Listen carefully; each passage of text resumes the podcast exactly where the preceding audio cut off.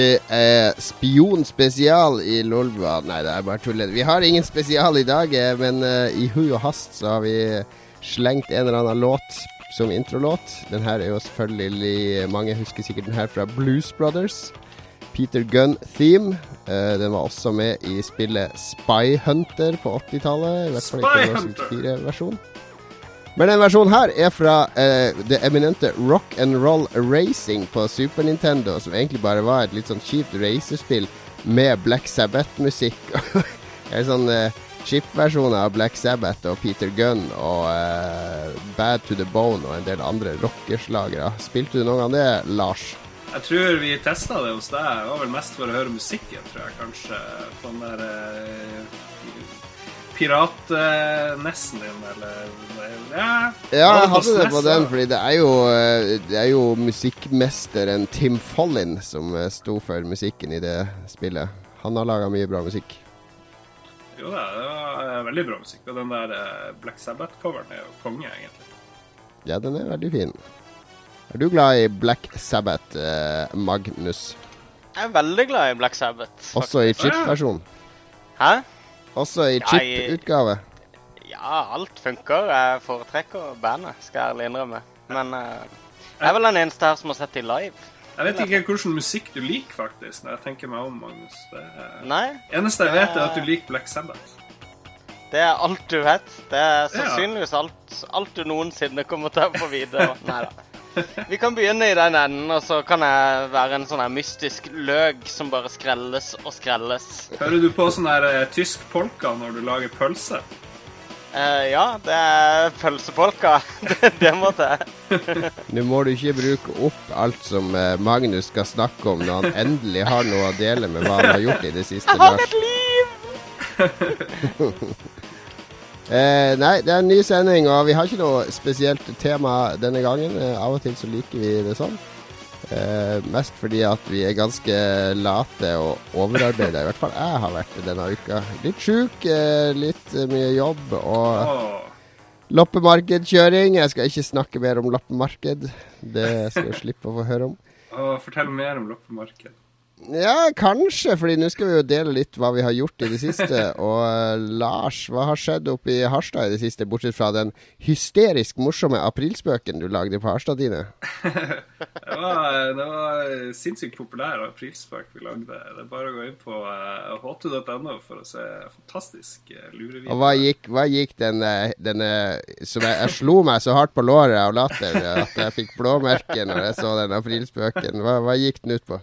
Den gikk ut på at uh, det lokale badelandet skulle innføre uh, unisex-garderobe.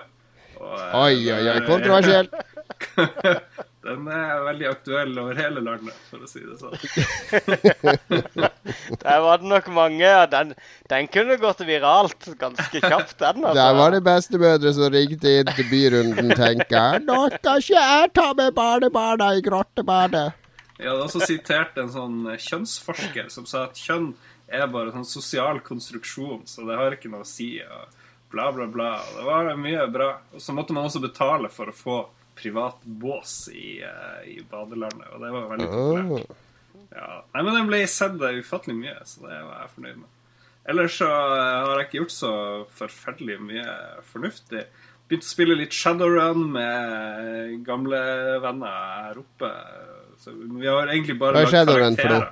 Shadowrun er et rollespill med penn og papir opprinnelig. Det ble jo et uh, Nintendo-spill òg som var rimelig populært. Og så har det jo blitt det kickstart, ja. en par kickstartere der.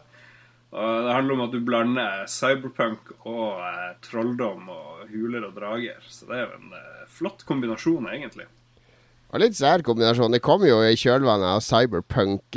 Husker Cyberpunk 2020-rollespillet? Tenk det, 2020. Det er jo bare seks år til det. Rart det der. Ingen har plugga inn i hodet ennå. Men jeg har nå Google Glass og sånt, så det er jo tøft. Ja, jeg syns uh, det er ofte jeg ser uh, Spesielt når jeg ser de her reklamene på T-banen i Oslo. De, skjerm, de animerte skjermene og folk som peker på meg og sånn. Da føler jeg at vi nærmer oss Blade Runner. Ja. Så har jeg også funnet en sånn tutorial på å lære meg å spille sånn Final Fantasy-sang Eh, jeg sendte den over til deg, men jeg skal vel også kanskje snakke litt om det spillet seinere. Men jeg vet ikke. Vi kan snakke litt om det når vi skal ha musikkonkurransen vår, for vi har litt tynt program etter pausen, for å si det mildt. Eh, men Nei da, vi har, vi har fint program da, men eh, vi, vi har jo bare Ja. For de som ikke kjenner til det, så har vi nå en sånn musikkonkurranse gående der meg og Lars skal lage musikk i forskjellige spillkategorier. Uh, vi har vært innom japansk rollespill, seiersjingle, forrige gang. Og vi har vært innom zombiekrigsspill. Denne gangen så skal vi rett og slett bare lage en jingle til, uh, til spalten. Ja. Så det, men det kommer vi tilbake til uh, senere. Ja, jeg tror jeg, jeg er fornøyd med mitt bidrag i dag. Jeg har skjønt at du har brukt fem minutter på ditt, som vanlig. Ja, jeg håpa at det der uh, loppemarkedkjøringa som jeg var på i kveld, skulle være ferdig litt tidlig, men det var det ikke. Så jeg fikk uh, et kvarter på å lage musikk etterpå. Det gleder jeg meg veldig til å høre. Men ja, Det er ikke ja. Men jeg har i hvert fall begynt å prøve å lære en, eh, en sang som heter To Sanarkand. Det er jo den der eh, sangen som er i begynnelsen av spillet, når de sitter eh, og bare ser Det er den sangen her. Ja, nettopp. Det er jo, den skulle ikke være så vanskelig å lære på piano, tenkte jeg. Men eh, det er ikke så veldig lett. Men jeg har begynt å Når jeg får det til, så skal jeg spille det live for dere her på, eh, på Er ikke det litt sånn 40-årskrise, Magnus, eh, å drive og lære Jeg skal lære sånn meg å spille spillmusikk på piano. Jeg har jo nettopp uh, La meg lære meg den Mario-sangen på piano, så har- får livet mitt verdi. Nei, men jeg var jo en pianospiller i min, eh, min eh, barndom. så- Ja, jeg syns jeg husker at du Det er kunne det. nettopp det som er Det er jo det som er midlife crisis-elementet der. Jeg trodde det var å få Ferrari og sånne ting. Og, og Det motorsykkel. er mange, det er mange 40-årskriser. Ja. Nei, men jeg går med på det. Jeg tar gjerne det som 40-årskrise. Veldig billig 40-årskrise. Ja, Det er jo er en- for all del. Men det er jo en flott sang, da. Og ikke så komplisert, tenker jeg. Det viktigste. Den er fin. Det blir eh, Jeg spår Magnus cosplay Desicon neste på Lars med hjemmelaga kostyme der han skal fremføre låta på piano. Oh. Ja, Det er bare å krysse fingrene for det. jeg skal kle meg ut som han der hovedpersonen og, i en sånn her gul, eh, weird outfit. Det, på det. Jeg håper vi får se det en gang. Eh, jeg kan jo Pølse-Magnus kan jo få lov å komme til slutt og snakke om pølsene sine. Jeg har nemlig Jeg har lest en eh, morsom bok i det siste som heter Maestro Mario. Det er en sånn self-published eh, Kindle-bok. Siden vi først var inne på musikk og sånn, eh, Lars, så eh, den, den analyse av spillmusikkens opprinnelse og så går han litt i dybden på, på 8-bits Nes-musikk. Og han driver og analyserer masse av sangene og jinglene og, eh, og trudeluttene og sånn der, med noter og eh, oppbygginger og eh, Han er jo komponist, han fyren som har skrevet den, så det er veldig mye sånn faguttrykk og, og, og litt sånne ting. Men eh, det tok meg bare to timer å lese, lese hele boka. Den er ikke særlig tjukk. Men det var veldig artig sånn innsikt i hva er egentlig spillmusikk. Eh, og spesielt han, han intervjua han der eh, Koji Kondo, er det han heter, han som lager Mario-musikken. Eh, om spesielt Super Mario Bros, da, som liksom var det første nedspillet med skikkelig musikk. Der musikken loopa og, og var flere arrangementer og sånne ting. Og han hadde veldig sånn filosofi når han lagde den musikken, da, at den skulle eh, passe til det spilleren gjorde. da skulle, den skulle liksom gå liksom i takt med Mario, og den skulle illustrere hoppinga og det lettbeinte, og undergrunnsmusikken skulle illustrere ditt og datt. Og alt det henger på en måte i hop, men også lydeffektene er små musikkstykker, ikke sant? Når du kommer Når du spiser opp er det bram, bram, bram, bram. Det, den stigende tona fordi at Mario vokser, ikke sant? Han tenkte sånn når han lagde de lydeffektene, og hoppinga Det er opp og ned, ikke sant? Og det var, det var liksom en, en musikalsk tanke bak lydeffektene, så jeg, jeg syns det var kjempefascinerende.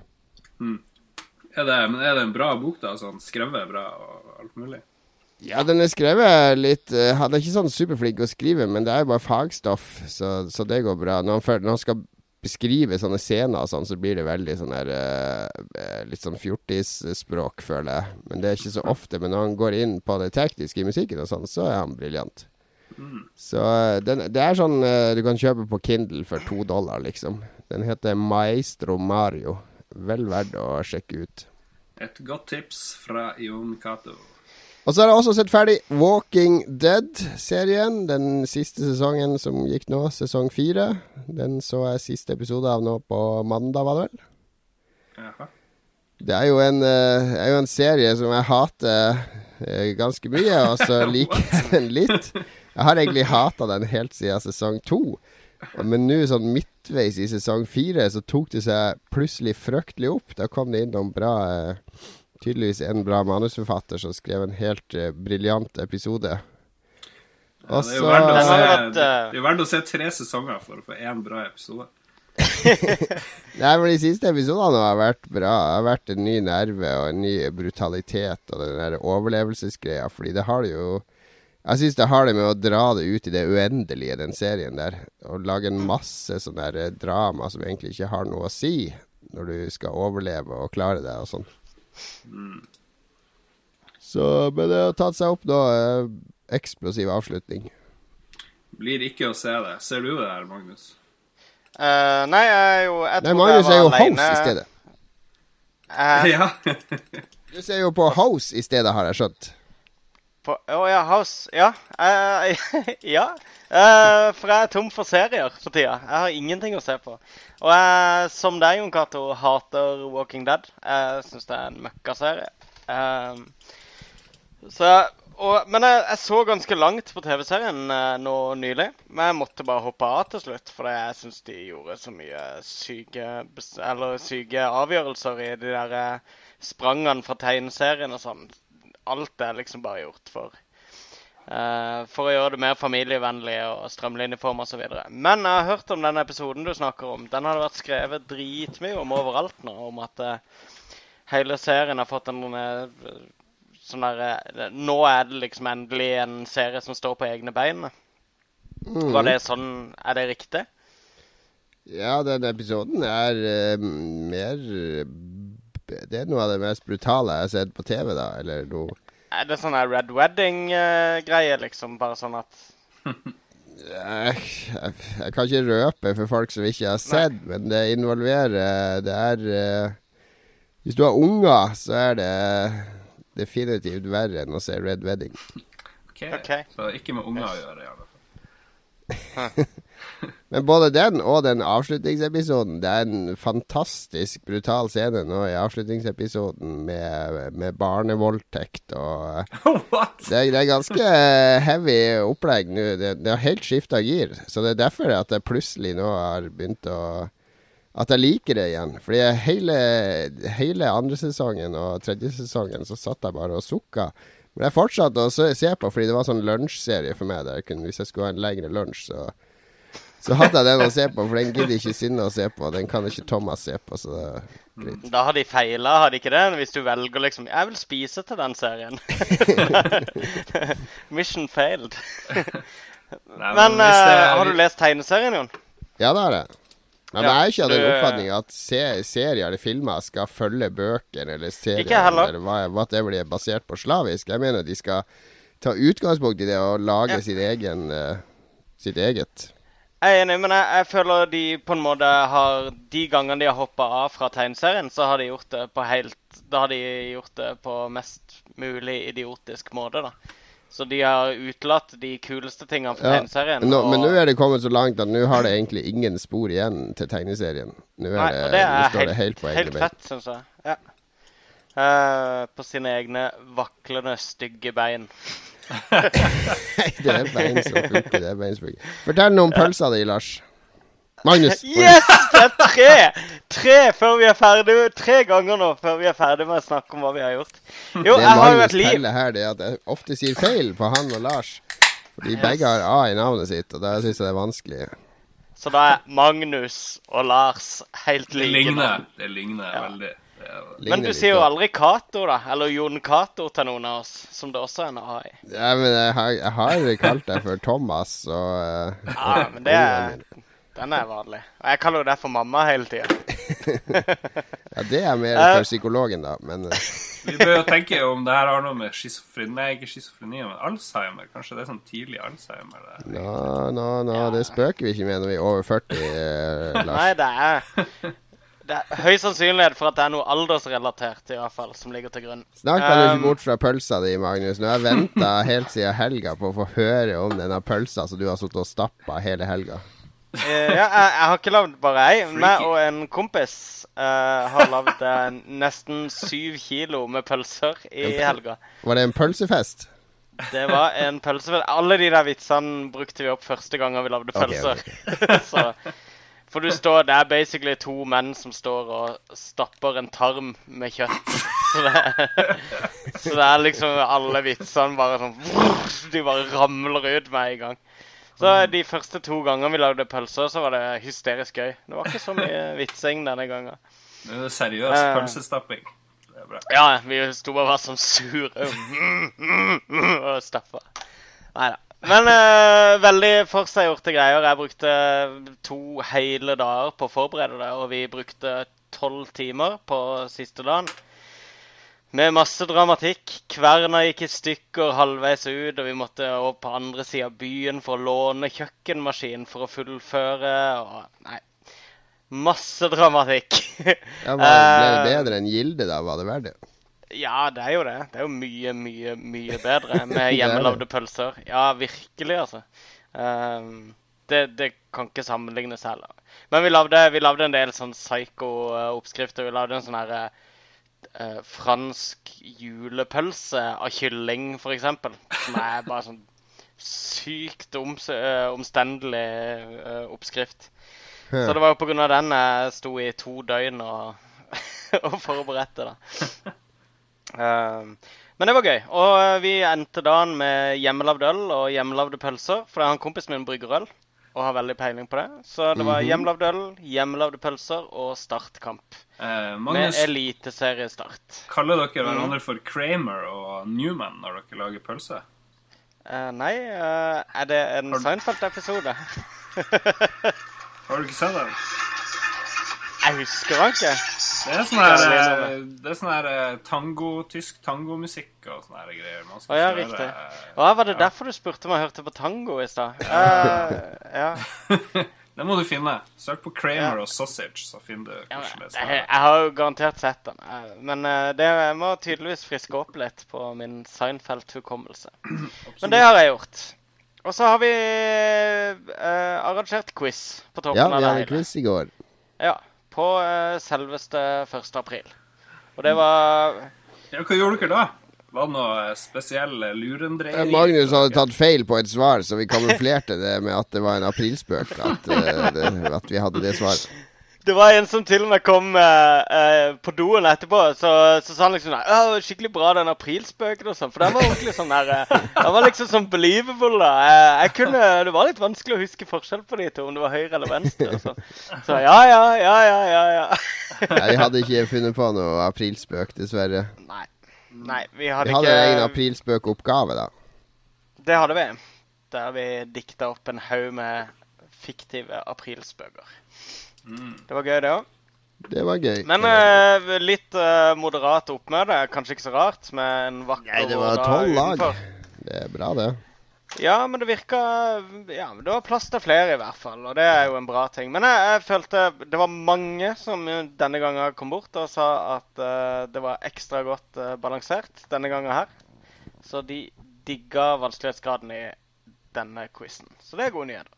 Bra, bra, bra. Og vi var jo til og med på VGTV med Ja, VGTV var å lage reportasje om oss, Lars.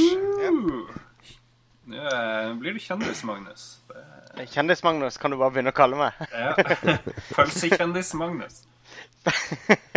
Pølsekjendisen, ja. Um, ja.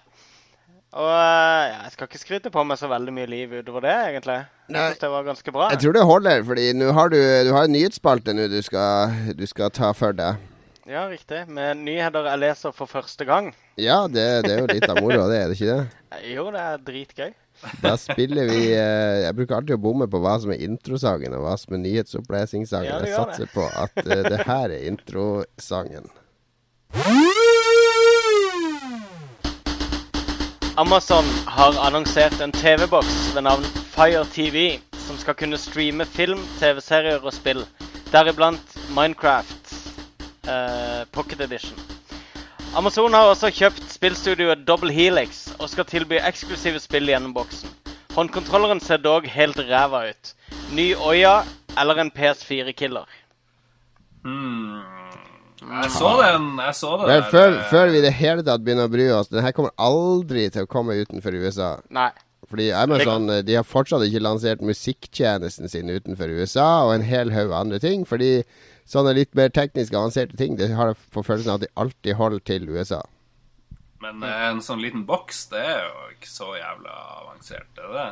Det er jo Nei, men eh, det, han er er ikke avansert, men det er å tilby innhold. Og med Kindle ikke sant, så har de fått med masse lokale forlag på det. Men eh, å begynne å jobbe med TV-innhold og sånn land for land i Europa, det jeg vet ikke om de gidder. De sa, har i hvert fall sagt til Gamma Sutra eller noe sånt at det er ingen, ingen planer i nær fremtid om å lansere i Europa. Ja vel. Det er jo litt gørr, da. Det- Da blir det jo ikke så kult å, å tenke Ja, på den. Men, eh, men eh, jeg skulle bare si at den der eh, håndkontrolleren den så ikke så dårlig ut som Oya da. Oya er jo et, et, eh, et katastrofe fra ende til annen, egentlig. Ja. Eh, jo jeg, jeg føler nå, nå begynner det å holde med sånne bokser, syns jeg. Nå kom Chromecast også nettopp, gjorde han ikke det? Ble ikke den lansert endelig? Uh, Jo, jeg tror det. Og så har du uh, Apple TV kommer vel med sin egen spill- og app-løsning Ja, de kommer nok til å svare på tiltale. ja, men er Amazon er de en stor aktør på sånn hjemmeunderholdning? De har jo Kindle, som er dritsvær. De er jo gigasvære på å selge Men film- film- og Men de, de lager jo også TV-serier nå. De har begynt å Ja, produsere. TV-serier, så de har vel kjørt sånne her ti, poli, ti piloter. Eh, som folk har kunnet stemme fram, og så skal de lage serier ut av de som får flest stemmer. Og den ene av de pilotene eh, så jeg jo her om dagen. Det er jo eh, Harry, vår venn Harry Bosch, detektiven fra Ja, er det fra de som har den? Ja, ok. Det er de som har laga den, og det, det var for så vidt en bra, bra pilot. Den Hvor likte jeg godt. får sett de her pilotene, da? Uh, den, du må registrere deg via Unblock US eller Unblock Us eller et eller annet. Du må registrere deg på Amazon, og så må de tro at du er i USA. Ja, okay, ja, men det har jeg allerede i boks. Det Ja, så da kan du streame den. Vi som lurer Kindle og Amazon til å tro at vi er i USA for å få billige bøker. Eller? I am a real American. Vi er jo alle vi er jo litt amerikanere, er vi ikke det? ja, sist, eh, sist jeg lurte USA, da gjorde jeg som du sa, Jon. Da er det adresse på Google Uh, i California et eller annet Du bor på Google-campusen. Ja. Jeg, jeg bor alltid hos Microsoft eller Electronic Arts. Gjør det det? Jeg bor alltid i 90210 oppe i Beverly Hills. Jeg Ja, har du en gjør det, ja. flott, Ja, flott villa der oppe. Ja. Men det, var, men det er ikke lenge siden jeg brukte 90210-adressen. Jeg husker ikke helt hva det var til. Men de har kjøpt der en Double Helix, og det er de som lagde det der eh, Primal Nei, hva er det for noe? Killer Eh, Det Instinct. Killer Instinct på Xbox One. Ja. Er det noen som har spilt det, da? Jeg, Ja, jeg jeg lasta den ned i dag uh, og spilte ett minutt på det. Ok, jeg spilte bare 40 sekunder, så Magnus har spilt det mest. uh, på practice. Jeg spilte en kamp. Så, Jeg var jo aldri noen inn fan av Killer Instinct. Da. Det kan, Nei, jeg fatter ikke appellen til det spillet der. Men det var vel stort i USA, da. Det er dritmange spillere online, er det ikke det? De hadde jo en maskin i Oslo på Hvor det var henne? Husker noen? Ra 4. Ra Ra fire. Nei, var det der? Ja, ja, uansett. Det var borte ved Eldorado, var det jo òg en sånn biljardhall. Ja, nei, men det så jo veldig kult ut da i sin tid, det her Killer Instinct. Men eh, ja, du måtte jo være geni for å vinne mot noen eh, på de der eh, Arkadegreiene i Oslo i sin tid. Så det Vi gjorde jo aldri det der. Ja, jeg Husker kjenner du halvparten av de husker en gang en, en asiater sto der og spilte Virtua Fighter mot en afrikaner. Og så tapte asiaten, og så det var felles venn Magnus, han Chris, Ja. som sa til han der asiatiske kompisen at han var en disgrace to the Asian nation. Fordi han tapte i Virtua Fighter. Det var, det, var, det var stedet å spille Virtua Fighter det i gamle dager. Det var på Ja. Eldorado, rett ved Eldorado kino der.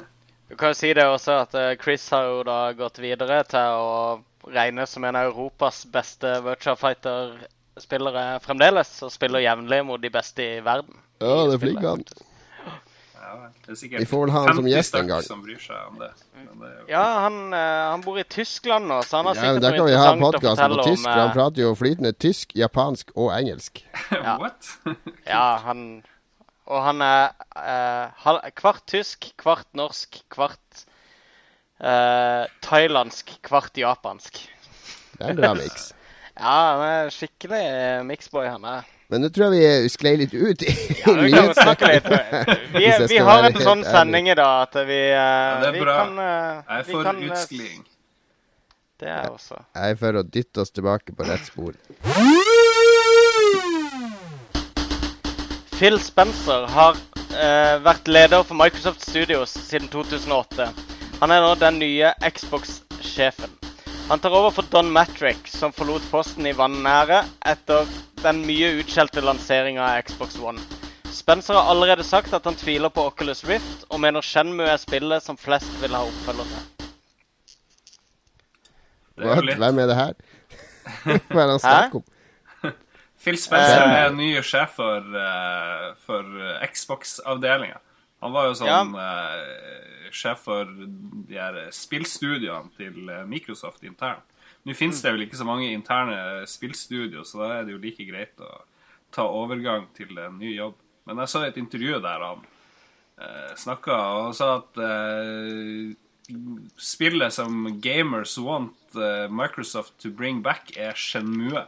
Og det lurer jeg jo veldig mye på om er sant. Jeg tror ikke flertallet vet om det er et par hundre tusen som sitter og ønsker det, ja. Men eh, er de representative for alle Veldig gamers? stort, i, veldig stort i Japan, men nei, jeg har ikke noe lyst på Shenmu 4. Du får jo mye hardcore cred da for å si det, men jeg tror ikke du tjener noe penger på, Det er jo bare sånn publikumsfrieri. Ja, det er bare for å si det Han har stått og sett på sånn teleprompter så han har sagt sånn The game most wa gamers want is Shen... Shen... Shenmue? Shenmue. uh, men jeg tror ikke det var han som var ute Var han ute og kritiserte Oculus Rift? Han sa at han tvilte på at det var så veldig profitabelt, i hvert fall. eh, sa han. For det, ja, for det Ed Fries var ute nå også forrige uke. Som også er en av de der Xbox-gründerne. Uh, og eh, sa han eh, det var tvilsomt til hele VR-greia, også Oculus Rift. Hvis jeg har tatt feil i å skrive det nyhetsinnslaget, så sier vi at det er en aprilspøk. katastrofe. Katastrofe er det. Da er, Um, da er det en aprilspøk. Sånn er det. Ja. Den var dritbra. hva er det dere snakker om nå? Um, altså, det var med. i hvert fall én fra Microsoft var ute og, og hevda at, eh, at eh, VR kanskje ikke var veien å gå. At, eh, og han sa spesielt med tanke på og det stupte med 3D-satsinga for et par år siden. Så eh, var han også litt i tvil på over mass market-appealen til VR. Og det her sier mannen som er ansvarlig for Kinect. Ed Frice. Ed Frice? Ja, Ed Ja. Frice, men Ed Frice fikk jo sparken for år og dag siden. Ja, men det var han som var ute og sa det. Men han er jo et Microsoft-tryne i eh, når, eh, når han blir sitert, så er det jo eh, Microsoft Jeg syns jo det er merkelig at eh, hvis Phil Spencer og de er skeptiske til Oculus Rift når de støtter Kinect, som jo Det er jo ikke en kjeft lenger som vil ha Kinect. Ja, men det er jo Ed Frice da, som i hvert fall har gjort det. Uh, nei, ikke sant, men Kinect har jo blitt et helt annet monster nå, da. Nå er det jo mer bare et sånn uh, uh, navigasjonsverktøy. Det virker ikke som de satser på det ligger Det er ikke like sentralt i den gameplay-delen av satsinga til Microsoft, virker det som. Oh lord. Vet du hva Ed Fries jobber med nå? Nei? Han jobber med å eh, lage 3D-modeller av Ja. World of Warcraft-figurer som, som han lager sånn fysisk og skal selge til folk. Ja, at du kjøper en 3D Du kjøper en uh, Ja, du kan kjøpe en 3D, altså en figur av avataren din i World of Ja. Warcraft. World of Warcraft er favorittspillet hans. Ja. Det er Ja. sikkert business i det. Og han har også vært advisor for Oya. Så det, det vi- her, jeg hører på det, den mannen for uh, spådommer om Oculus Rift. Og han slapp også et Atari 2600-spill i 2010. Ja, du, det, nå er det jeg som er på Wikipedia, Magnus. Det er kun én på en Wikipedia-side om gangen. Jeg har hatt oppe sida hele tida. Jeg har sittet og sett rekkefølgen du har kommet med de der. Visste dere at uh... Du skulle, du skulle lytte tro at jeg satt med sånn uendelig Ja, vishet der, og at jeg kom på et morsomt fakta om Ed Jeg jeg skulle ha, jeg skulle ha en litt sånn her Nå har du elegant ødelagt hele avsløring. illusjonen. Det var du som sa Wikipedia.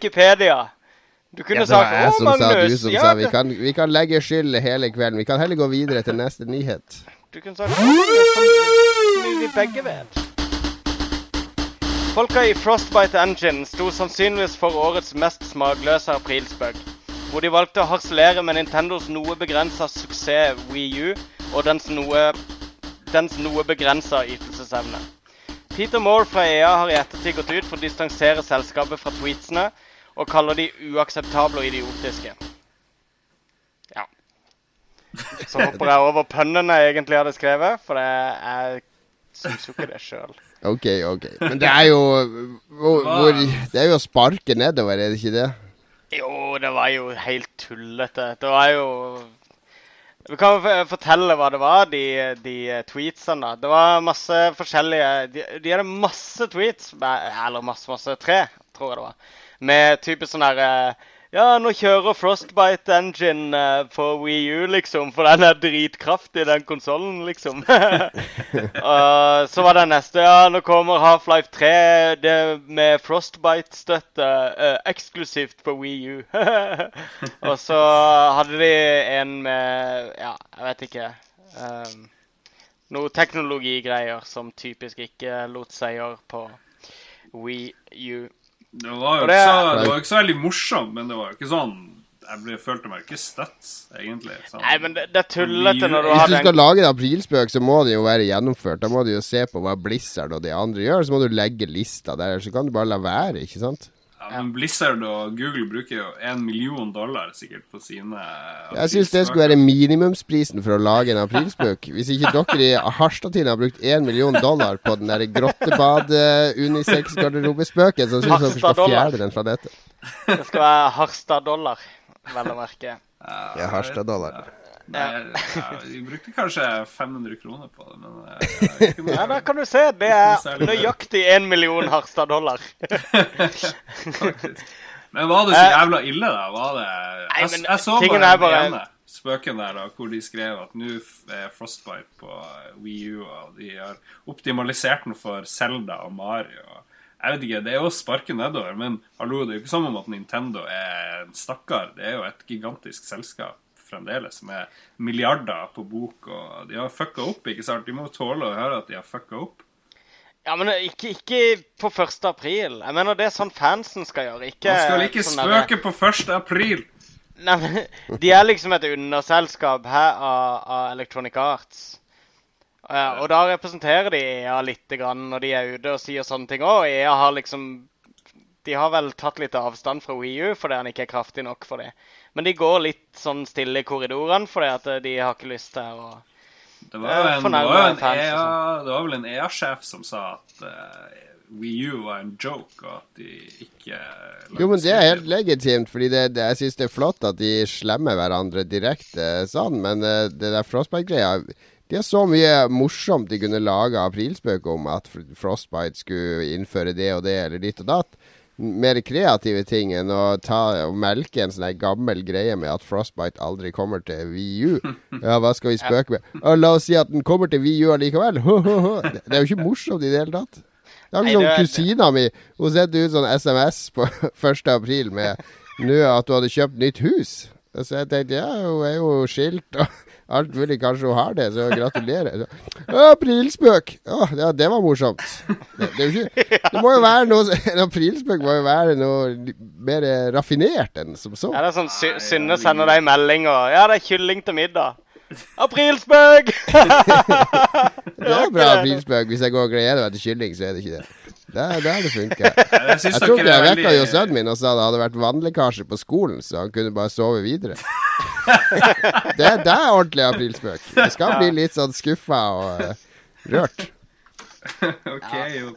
Kristine lurte meg i et halvt minutt med å si at Facebook-profilen min var, var borte.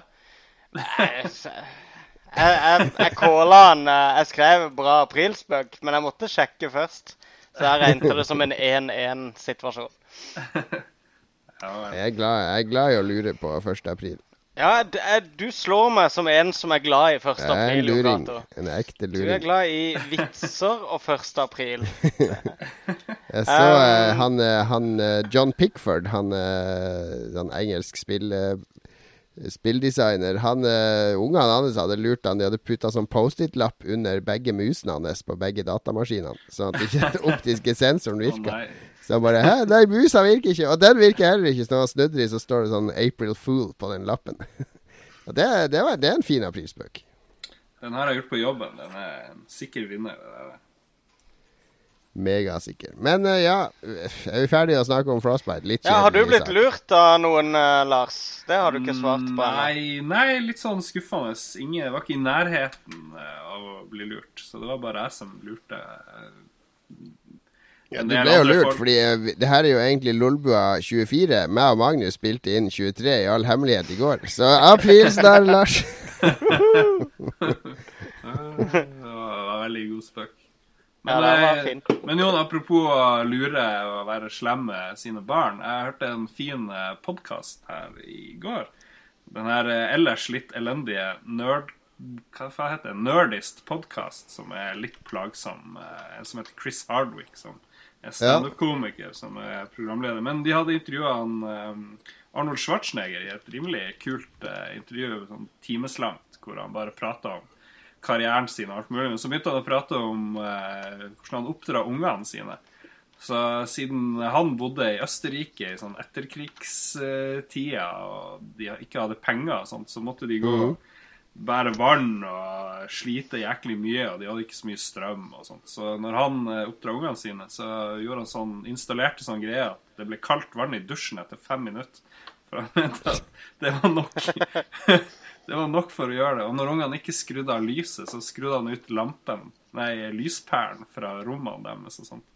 Så eh, den typen oppdragelse, det må jeg si jeg likte. Men det var et bra intervju med Arnold Schwarzenegger, faktisk.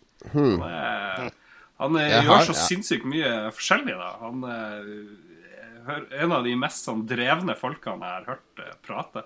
Han har sånn Ja. prosjekt eh, overalt. Og bare det at en fyr som ikke kan engelsk, men som veier sånn her 280 pounds og ikke ser ut, ikke sant? Mens alle andre stjernene på den tida var sånn her Dustin Hoffman på 1,50 og den slags skulle klare å bli en filmstjerne når Woody Allen liksom var den største stjernen. Det er rimelig imponerende hvordan han klarte å presse seg inn eh, i Hollywood der. Det må jeg si. Ja. Så, fascinerende han var jo eh, i politikk, eh, guvernør òg i flere år. Ja, han klarte å bli guvernør, og det er jo helt latterlig. Hvis han hadde sjansen, så hadde han sikkert prøvd å bli president òg etter hvert. Sånn à la Ronald Reagan. Ja, det hadde ikke Det hadde vært uh, Jeg vet ikke om jeg hadde likt å ha. Arnold som president. Det hadde vært awesome. I'm gonna send you to the cooler! Hans, hans Mr. Freeze det er fortsatt min favorittrolle fra Arnold. Tonight's forecast A freeze is coming! Ah, bra. Hva er Ja, neste på programmet? Hvor er vi? Neste på programmet nå er uh, en hel haug med, med lytterspørsmål, så vi får bare kaste oss inn i det. Det første er fra vår gode venn Jostein i Radcrew. Eh, kanskje Norges største spillpodkast inntil videre. Eh, han lurer i hvert fall på om Chris Roberts, altså han som hadde Det er vel kanskje den mest suksessrike spill-kickstarteren så langt, som har samla inn 18 milliarder millioner dollar på eh, kickstarter for å lage et nytt sånn Wing Commander-type spill. 40 millioner dollar har han visst samla inn. Og ah, ja, Jostein lurer rett og slett på om Chris Roberts kommer til å stikke av med pengene snart. Det, jeg ville jo gjort det, eh, tror jeg. I hvert fall hvis eh, basis var et nytt Wing Commander. Er Wing Commander liksom eh, verdt å trakte etter? Jeg syns jo ikke det. Jeg var aldri noen fan av Wing Commander, fordi jeg syns X-Wing og de spillene der var så mye bedre. Ja, nei, det ble, vel- ble lagd fire Wing Commander-spill, kanskje. Jeg, Ja, det var så utrolig mye sånn Ja. film i de, og Jeg likte det. Jeg likte universet. var kult, syns jeg. jeg. Og jeg Var det ikke sånn katterase der? Jo, jo. Uh, uh, Og Furby, Killrate. var det sånn Furby-spill, da? Killrati heter det. Uh. Eh, jeg spilte um, uh, Privateer, uh, spin-off-spillet, spilte jeg mye. Det hadde jeg med speechpack, Ja. faktisk. Men er ikke du som hater teren. sånne furries og sånn? Åssen kan du like et romspill med kattevesener som flyr romskip? Nei, det var ingen som var egentlig mennesker Var det noe forhold, noe, eh, sex noe seksuelle forhold mellom mennesker og Nei, kattevesener? Killrati er en sånn krigerrase. Er Ja, sånn men var det seksuelle forhold mellom de og mennesker? Nei, nei, nei. Ikke? Det var, det var ikke et sånt spill. Det var ikke hinta om engang. Nei, Det var sånn cirka like mye sex i det som det var sex i Star Wars. Der var, det, jo- der var det mye sex, altså. Det var mellom Ja, linjene. R2D2 og han var jo en hottie, ikke sant? Ja, ja, ja. Nei, men kommer han til å stikke av? Fordi det er jo et eh, faktum at uh, kun tre dataspill, kickstarter-finansierte dataspill, har kommet ut i den fulle og hele versjonen som var lova. Altså Broken Age er ikke ett av de tre, fordi det har de delt i to. Så det er fortsatt ikke eh, 100 lansert. Men det, det er kun FDL og eh, det der Banner Saga og ett til som liksom har holdt det som ble lova i kickstarteren. Er ikke det litt bekymringsverdig? Jeg vet ikke. Ja, Er det det? Er det ikke noe mer som er sluppet?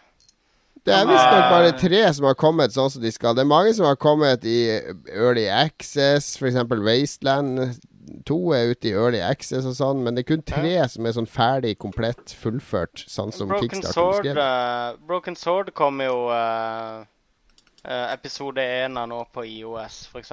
Men må liksom alle episodene ha vært utgitt for at det skal Ja, jeg tror det er snakk om at det skal fullføre den, eh, den drømmen som er solgt. OK, men hvor lenge er det siden eh, folk begynte å donere penger da på Kickstarter? Hvor lenge er det siden Tre-fire år siden, er det ikke? Er det så lenge? Det er to de år siden Broken Age var der. Ja, og det var Broken Age som liksom Ja, FTL var det første som liksom Eller Broken Age var det første som ble stort, men FTL var, ble jo finansiert før det. Ja, riktig. Uh, men to år er jo ikke så grusomt lenge å, Nei, det er jo ikke det. å bruke på utvikling. Så eh, Spesielt på de som har sånn episodeambisjoner da, om å lage hele sesonger osv. Så, videre. så det, er- det må en kanskje gi litt tid. Du kan ikke Men jeg, jeg vet jo fra gammelt av òg at det er jo mange, eller fra nutid òg, at det er mange spill som blir jobba på i ett år, halvannet år, kanskje opptil to år, og så vraka. Fordi at det funker ikke egentlig sånn som de, de skal. Og det er spill som vi gjerne aldri får hørt om. Eh, På 90-tallet husker jeg i Edge, så, så var de ganske tidlig ute med å få tak i sånne spill. Og det er ganske mange av de spillene som de skrev om i de første 50, 50 numrene av Edge, som aldri kom. Fordi de hadde sånn innpass til studioene der de fikk se veldig, veldig tidlige prosjekter. Så det er jo en fare med kickstarter, det at, at eh, spill er så tidlig og så under planleggingsfasen at når de har fått pengene og jobba på det i halvannet år, så får de det liksom ikke til å funke sånn som det skal. Ja. Og så kan de ikke gi opp heller. Det er ikke for seint å gi penger til Shaq Fu, A Legend Reborn. eh. Du, altså Det var også en jeg så på Kickstarter i går. Han skulle ha 200 pund. Hva må det? Da skulle han lære de som donerte 20 pund, de skulle han lære å lage Flappy Bird-klone, da. Ja, det er jo billig. Så han er Fork Parker fra De eh, Devolver Digital, han var inne og donerte 20 pund. Han fiktive Fork Parker, og bare for å få tilgang til forumet, der han spurte han masse spørsmål. Jeg så det der. Blir det support på PC? Men, men for min del har jeg Vi kan jo Jostein spør jo samtidig om vi har støtta en kickstarter noen gang. Uh, is- og hvilken uh, Jeg har støtta en del. Uh, Broken Age støtta jeg. Oya støtta jeg i sin tid. Gjorde du det? ja. Eh, jeg støtta en del for å se hvordan det funka, og for å komme inn i de backerforumene og se åssen miljøet det var rundt i. Ikke så mange, kanskje fire-fem. Jeg husker bare de to. Men nå er- støtter jeg ingen dataspill lenger, fordi uh, eh, For det første må jeg ha det, det, det er ikke så mye der som jeg syns er sånn superspennende, bortsett fra et par av de norske og sånne ting. Ser spennende ut. Men brettspillene som er der, de er kjempekule. Fordi de er liksom ferdig laga og konseptualisert og, eh, og, og, tenkt ut og playtesta. Det de trenger penger til, er å bestille opp materialer og artwork og alt det der. Så at alle brettspill som blir finansiert på Kickstarter, de dukker opp. Eh, de får du i postkassa et halvt år, eh, ni måneder etter. Så, så de har jeg begynt å kaste penger etter. Ja, nei, Jeg lovte å støtte den der uh, Final Fantasy Tactics-duden. og ja, den har faktisk jeg også Story og sånt. Men det, jeg kom meg faktisk aldri så langt. Jeg bare Jeg kom, ja, jeg på, jeg det Final Fantasy-spillet. Jeg kom på at jeg aldri fullførte Final Fantasy Tactics og aldri fullførte Vagrant Story. Det, ble, det var mye gnukk med de der spillene der. Og jeg liker heller Final Fantasy sånn 10 og 7, og hvor jeg kan liksom springe rundt og være Gjøre noe litt mer aktivt enn å gå på de jævla rutebrettene. Det, det Final Fantasy Tactics var jo briljant. Å stå på en rekke og danse mens du venter på å få trykt på en knapp så du kan hoppe frem og slå. Ja, jeg syns det er koselig. Jeg syns det er helt awesome. ok. Jeg var heller ikke så veldig fan av Vagrant Story, fordi at jeg hadde akkurat egentlig oppdaga de JRPG-ene på den tida. Jeg hadde akkurat runda Fan Fantasy 7 og sånn da, da jeg testa Vagrant Story, så det ble litt for mye action i det for min smak. Um, jeg spilte jo Parasite Eve-spilleren rett etterpå, da, så det var ikke helt fremmed for meg. Men uh, Fan Fantasy Tactics, altså, det var dritbra. Jeg er helt uenig med det. Det var jeg superhekta på. Jeg sier ikke at det ikke er bra, men jeg bare Jeg fullfører ikke. Jeg spiller det en stund, og så bare Hva med Fire Emblem på 3DS, da, Lars? Det er jo knallers. Jo da, jeg likte det veldig godt. Så det er jo litt sånn selvmotsigende. Men uh, har jeg fullført Fire Emblem? Nei, egentlig ikke. Men vil du bare sponse spill du kommer til å fullføre? Ja, jeg fullførte jo uh, Shadowrun. Det var vel kickstarter-prosjekt. Uh, selv om jeg ikke funda det, da. Så, og jeg kommer til å fullføre Broken Age òg. Ja. ja, men det, ja, apropos Shadowrun Apropos Shadowrun, så kom det jo en helt ny kampanje til det nå som koster sånn 10 euro eller noe sånt. Og den har fått kjempebra kritikk. Ja, de sa at det var bedre enn den der uh, Deadman Switch, eller hva den heter. Den første. Ja, den forrige var helt grei. Det var ikke sånn superminneverdig. Men den nye her skal visst være helt briljant, ifølge Rock Paper Shotgun og et par andre. Den var jo minneverdig. Jeg husker hele greia. Så det var helt ja, Den var kul nok, men poenget mitt er at den nye skal være mye kulere, Lars. Ja, ja, greit, greit. Var det en annen by? Hva var greia der, da, egentlig? Det er en tilleggspakke med en helt ny kampanje. Ja, Men det er ikke i Seattle, er det? Jeg bare prøvde det, det er, Jeg har ikke lest så mye mer om den. Jeg så at den var til salgs på Steam. Ja, skal vi kjøre på eh, Mathias Malmgren sitt spørsmål? Han spør hvordan Ja, da må du spørre på svensk, for han høres svensk ut. Mathias Malmgren spør hvilken Pokémon er han favoritt, og er det sannsynlig at vi en dag får et Pokémon MMO? Og om vi får et Pokémon MMO, det driter jeg egentlig oppi. Det har jeg ikke lyst til å spille. Men min favoritt-Pokémon Pokémon-spill er jo selvfølgelig Pokémon Pinball. Og ja, men Hvilken Pokémon? Ja, jeg har vel altså, ikke noe favoritt. Monster? Jeg har vel ikke noe favoritt. Pikachu var jo stor i Pokémon Pinball, så det får være min favoritt. Jeg har ikke dybdekunnskap i det der. jeg liker han der uh uh, Psyduck, fordi det husker jeg Miyamoto sa i et intervju at det var hans favoritt, så jeg, tar uh, Jeg tar og gjemmer meg bak han. Nå blir vi uvenn med alle Pokémon-fans her, føler jeg. Hvem liker du, Magnus? Jigglypuff. Jeg, jeg er ikke så glad i Pokémon, må jeg ærlig innrømme. Uh, ja, men dette har vi snakka om før i Lolbua. Du er akkurat som ungene mine når jeg setter fram middagen. Sånn jeg liker ikke det. Jeg liker ikke Bare, bare delta i middagen og spis uten å informere ja. meg om hva du liker og ikke liker. Delta i samtalen og ja, snakk har... uten å komme med dine preferanser. Ok, ja, ja, i, Og det gjelder også samtaler hvor vi diskuterer preferanser. Da skal du helst ikke farge dem med preferanser. Ok, ja, akkurat okay, her uh, Jeg vil si at uh, min favoritt-Pokémon uh, er en stykk Pokémon som befinner seg i et Pokémon-spill. Oh lord. ok. jeg, husker bare, jeg husker bare Pikachu, og så husker jeg Bulbasaur. Jeg syns Bulbasaur er et kult navn. That's it. Men jeg, jeg, kan ingenting om det. Jeg har spilt to av spillene, og uh, for uh, en god del år siden, og jeg kan ingenting om universet. Så. Men apropos MMO, så finnes det uoffisielt MMO på, på nettet. Jeg vet sønnen min Thomas har spilt uh, det mye med, med, en kompis fra USA. Så det er visst ganske likt, men det er jo selvfølgelig hjemmelaga og sikkert ikke balansert i det hele tatt. Og sikkert bare sånn at du blir supermektig ganske fort. Apropos eh, Pokémon, så det neste spillet har jo litt med det å gjøre. Han Thomas Heger spør oss, spør oss den beste spillaprilsnarren vi har vært borti.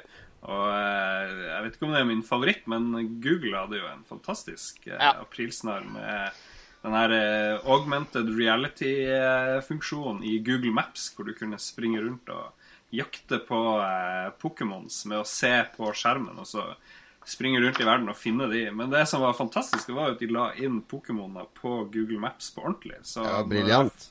Ja, det var eh, helt fantastisk. Det må ha vært et, eh, en genial avtale mellom Nintendo og uh, Ja, men de har, de har noe på gang, de der to. Fordi de ga Du vet, på VU så er det en sånn YouTube Nei, en sånn Google Maps mm. Explorer-applikasjon som du kan laste ned som gjør at du kan liksom bruke skjermen i, i, kontrollen til å se deg rundt når du går rundt i gate i Google Maps.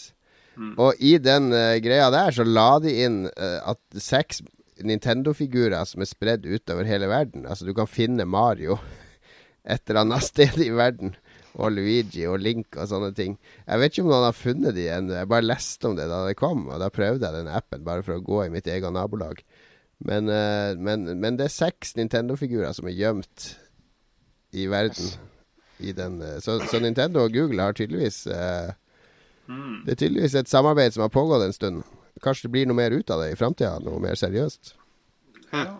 Nei, men bare det å ha en sånn her AR-app hvor du kan fære rundt og lete etter ting i real life, det et godt forslag, men jeg vet ikke Er de for redd for at folk skal dette utfor stup, liksom, med å gå og kikke på skjermen sin og plutselig dette ned et hull? Det, det fins eh, faktisk en norsk sånn, tror jeg, som heter Inklings, der du skulle gå rundt og fange et spøkelse på Lambertseter og et foran Slottet og sånne ting. uh, så jeg prøvde jo å spille det, men det var jo så å si ingen andre som spilte det, og det, det funka ikke sånn veldig, veldig bra. Mm.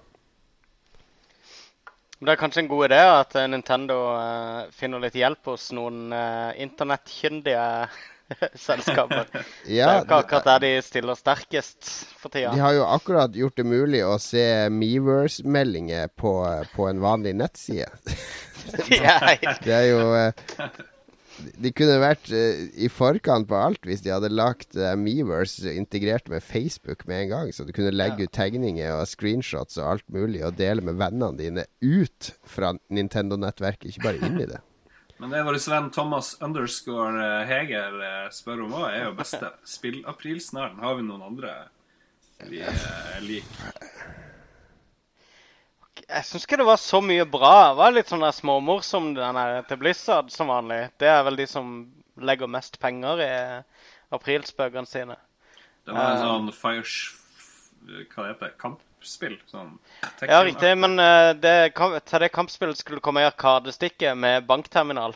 Uh, jeg tror faktisk det var tre bankterminaler på samme ja, ja, det var stikka. det var litt vittig. Uh, jo da. Men en sjekker jo alltid eh, Blizzard for 1. Eh, april-spøker. De pleier å være ganske gjennomførte. Jeg husker den, den første spilleaprilspøken jeg så, det var i, eh, i Zepp 64. Det var akkurat når Amiga var kommet, og alle snakka om Amiga. Den skulle bli så stor. Og alle de leserne av Zepp 64, inkludert meg, vi var jo litt sånn nervøse for Amiga, for vi var så glad i 64-en vår. Og da hadde de aprilnummeret sitt at det skulle komme en sånn der uh, boks så du kunne koble på Commodore 64 for å spille Amiga-spill. da så du, så du, kunne, slippe å kjøpe en Amiga. Og den trodde jeg på i flere uker. Fordi det var jo i printblad uten internett. Og jeg var for der og for, skulle finne ut hva den boksen når den kom, og hva den kosta, og skulle spare til den og sånn, før vi så i neste nummer at det var en aprilspøk. Oh, det var, det var ganske uh, aprilspøker uten internett. Det var tider, det. Ja. Nå røpte du nettopp at du er 60 år gammel, Jon. Det... Alle vet at du er Eh. 60 år gammel, så det spiller ingen rolle, Lars. Alle vet òg at du er bare noen få år yngre enn meg. Men da husker du kanskje, Jon Cato Jeg husker min farmor fortalte at da hun var eh, pikebarn, som da du var guttebarn, så Ja. var det i Halden-avisen så hadde de skrevet at det, står en eh, eh, svart mann på kaia. Og da var det Det var sånn folkeferd. Det var, det var så mye folk der nede. Folk datt i vannet og sånn nede på brygga, sånn, for alle skulle finne denne afrikaneren. Så det var Jeg var, jeg var syv år første gang jeg så en svart mann i Harstad, faktisk. Husker du når du så den første Ja, fordi det var bodde ingen, uh, ingen mørke eller, eller mørke, da, oppe i Harstad. Første gang jeg så henne, husker jeg godt. Hva jeg kom på døra og skulle selge bilder. Malerier. Da har jeg aldri sett en svart mann på ordentlig. Hva gjorde du? Nei, eh, jeg gjorde ingenting. Jeg bare så på han. Men noen år senere så var det noen oppi Mens han eh, sto der. oppi- Kan du gå og hente din mor? Hallo, kan du høre meg? og du sto bare. Nei, det var noen oppe i Harstad som adopterte to, uh, to smågutter som var fra Afrika. Og det husker jeg når de kom til det nabolaget, så alle guttene i det nabolaget og jentene kom ut for å ta dem på håret. Så det sto sånn ring rundt de her to bitte små guttene på tre og fem år og sto og klappa de og strøyk de på håret, for det var, de hadde så rart hår. ikke sant? Ja. Ja, det var en enklere verden. En enklere verden. Det var en enklere verden. Ja, da svarte vi vel på det han lurte på. Genialt svar igjen. Thomas Heger har gitt oss intet mindre enn tre spørsmål. Han spør også om det er noen sjanse for indiespill reality-TV i Norge, og så henviser han til det her Game Jam. Ja, leste dere en historie om Game Jam? Den er ganske morsom. Fordi de, de skulle lage et sånn uh, TV-konsept i USA. En sånn svær YouTube-produsent som lager masse kule YouTube-ting. De, de gikk sammen med noen andre og skulle liksom lage der du samla en gjeng indie-utviklere. Altså teama du hvert lag, hver utvikler, opp med en kjent YouTuber. Og så skulle de sammen over fire dager lage et spill. Og så skulle det være sånn delkonkurranser underveis, akkurat som i et sånn reality-show, da. Og det er for så vidt et kult konsept. Eh, nok konsept. Du kan, jo, du kan jo lage det litt sånn som Indie Game The Movie, ikke sant? Mm. Har de den samme tilnærmingen, var jo det de fleste hadde tenkt. Men så kommer det jo inn sponsorer og, og produsenter og folk som skal gjøre det her til reality-drama. Og da må du ha drama. Så de må jo Han ene, han derre Matti, eller hva han heter, han, han var egentlig bare en konsulent for PepsiCo. Som, som jo skal brande Pepsi sine drikkevarer i programmet, for de var sponsor. Og han kom inn og tok vis- visstnok kontroll over hele greia, og begynte å, å prøve å lage sånne intriger og spørre sånne spørsmål at tror du de har Tror du det laget har en ulempe siden de har en dame på laget og sånn? og jeg tror dere, dere har en fordel siden dere har den peneste dama på laget deres, Og det ble det, Og da må de svare med sånn eh, fulle der, det, Da skal du svare med sånn fulle setninger. Da, for da må du begynne med spørsmålet. Eh, Ja. Med sant Det, det, er, det er en lang lang historie om Ja. alt som skjedde der, med kontrakter, helt sånn håpløse kontrakter som de ville at de skulle være med på, og ditt og datt. Og det endte med at indieutviklerne nekta, og de gikk. De forlot eh, greia.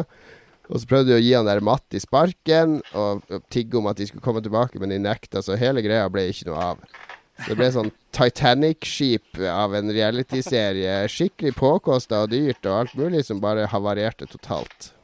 Det høres fullt fortjent ut. Det er ikke så mye mer å si enn at det der Nei, er jeg tror ikke Jeg har ingen tro på at noe sånt kan dukke opp i Norge. Altså, du klarer, det er jo ingen som engang klarer å lage et TV-program om spill i Norge. Du har Level Up på VGTV, da. Det, vi, det teller jo for så vidt. Jeg mener jo at web-TV er likestilt med vanlig TV i dag, men uh... Har, har dere ikke sett det her nye programmet Spider? Det er jæklig bra. Jeg husker det godt fra det jeg gikk på TV, faktisk. Glassøye, følg med, Glassøye. Han var innom i butikken da jeg jobba på Spiderman. Og da var han innom, og han måtte bare liksom Han måtte proklamere for hele butikken at han var gammel, men fatter har peiling på dataspill. Så Men- han men prøvde hele tida å komme med sånn Hæ? Ja, det er vel antagelig det eneste TV-programmet i verden der noen har spilt X- X-pilot. Lars. Uh, spilte de X-pilot? Ja. De spilte X-pilot i en episode der. Ja, da, Jeg husker han fordi han bare holdt inne thrusteren, så det romskipet hans bare føyk fra rett fram hele tida. Nå snakker vi om et spørsmål som kommer litt lenger ned på lista. Vi må ta med det siste fra Thomas eh, Heger. Han lurer på om eh, norske utviklere mer å tjene på å bruke norsk estetikk i produktene de lager. F.eks. Red Thread Games sin Draugen. Og selvfølgelig har de mer å tjene på, fordi jeg tror det er et krav fra, Fra NFI. innovasjon og ja, NFI om at uh, hvis vi skal få støtte, ja, det, det så må kravet er med ikke Norge så. Det er ikke så mye vekt i det kravet lenger. Nei, men det eksisterer jo, da. Men, men det er jo veldig mange Det var mange i hvert fall sånn før, da, at du måtte lage spill med en eller annen Ja, det var på grunn av noe sånt. EU-greier. Ja. Um, men uh, jeg, jeg så den der nye Draugen-traileren som ble sluppet nå her forleden. Uh, og jeg tenkte litt Jeg er ikke så glad i sånne skrekkspill. Nei, det var ikke det jeg skulle si i det hele tatt. Ok, jeg ok. skulle si at Fortsett, eh, fortsett. syns- Beklager, beklager. Jeg syns de har eh, Jeg syns de er veldig bra kristiansandsk, forresten. Um, jeg husker veldig godt det der med å være ute i norsk natur sånn midt på natta som barn, liksom. Fordi vi hadde typisk hytte ute på ei øy langt ute i skjærgården osv. Så, videre, da. så jeg husker veldig det der, det der veldig begmørket når du er liksom litt utenfor sivilisasjonen og den der norske naturen. Mhm. Det er noe veldig Det er, det er noe der som, som, eh, som er ganske unikt, tror jeg. Sånn på øh, og, og Draugen tar litt tak i den der følelsen, merka jeg da jeg så det. Jeg tenkte akkurat på det der at det, eh, en føltes veldig norsk. Ja, det gjorde det. det Norsk natur og litt sånn pragmatisk norsk arkitektur fra starten av forrige århundre. Og alt, alt stemte, liksom. Eh, Og jeg tror For meg Jeg skrev en kommentar om det her som kommer i Aftenposten i morgen, håper jeg, på nett. Om eh, at, at Fordi det, det minner meg veldig om Brother òg. Fordi Brother har også veldig sånne nordiske eller skandinaviske røtter i Brothers. Tale of Two Sons. Har du det? Ja, det, har- det føles veldig det. altså, som om de har henta en del fra Astrid Lindgren. Uh, du har to brødre, ikke sant? Det minner meg veldig om Brødrene Løvehjerte, de to. I oppbygginga. Han ene er litt svak, han andre er litt sterk. Du har troll, du har fjell, du har nordlys. Du har en hel masse sånne referanser til uh, skandinaviske folkeeventyr i det spillet. Jo, men jeg syns ikke spillet Jeg fikk ikke noe sånn skandinavisk fil av det. Jeg fikk det. jeg si. Jeg fikk Ja. absolutt Jeg, leste veldig mye av de sånne svenske eventyrbøker Når jeg var, var yngre. Jeg, Ja, det gjorde jeg også. jeg, jeg kunne kjenne meg godt igjen i, i, i eh, miljøbeskrivelsene og sånne ting. At det føles som en helt annen fantasyverden enn enn Tolkien eller uh, Witcher eller eller eh, japanske rollespillere eller noe sånt. Det, det har en sånn nordisk eh, smak over seg, føler jeg. Og kanskje Jo, det og Draugen og, eh, og, og flere kan lage en sånn Nordic noir-sjanger innen spill, akkurat som den krim, eh, krimsjangeren. Ja, jeg, jeg lurer litt på om man må tenke mer på eh, Jeg vet ikke sensibilitet eh, Estetikk er kanskje ikke det rette ordet jeg tenker på hvis man skal skille seg ut. Jeg tenker hvordan Man liker jo Man har jo begynt å like norske filmer litt, og skandinavisk krim har veldig veldig sånn eh, gjennomslagskraft. Men jeg vet ikke om det er pga. estetikken at det ser ut på en spesiell måte. Jeg har mer tro på at man gjør ting annerledes, og at man har et annet utgangspunkt. Og da tror jeg man sliter veldig, fordi spillbransjen, i hvert fall i Vesten, er jo veldig sånn incestiøs. Det blir mye det samme uansett Ja, det er hvor du lager spill fra, så er det samme mekanikk og samme logikk.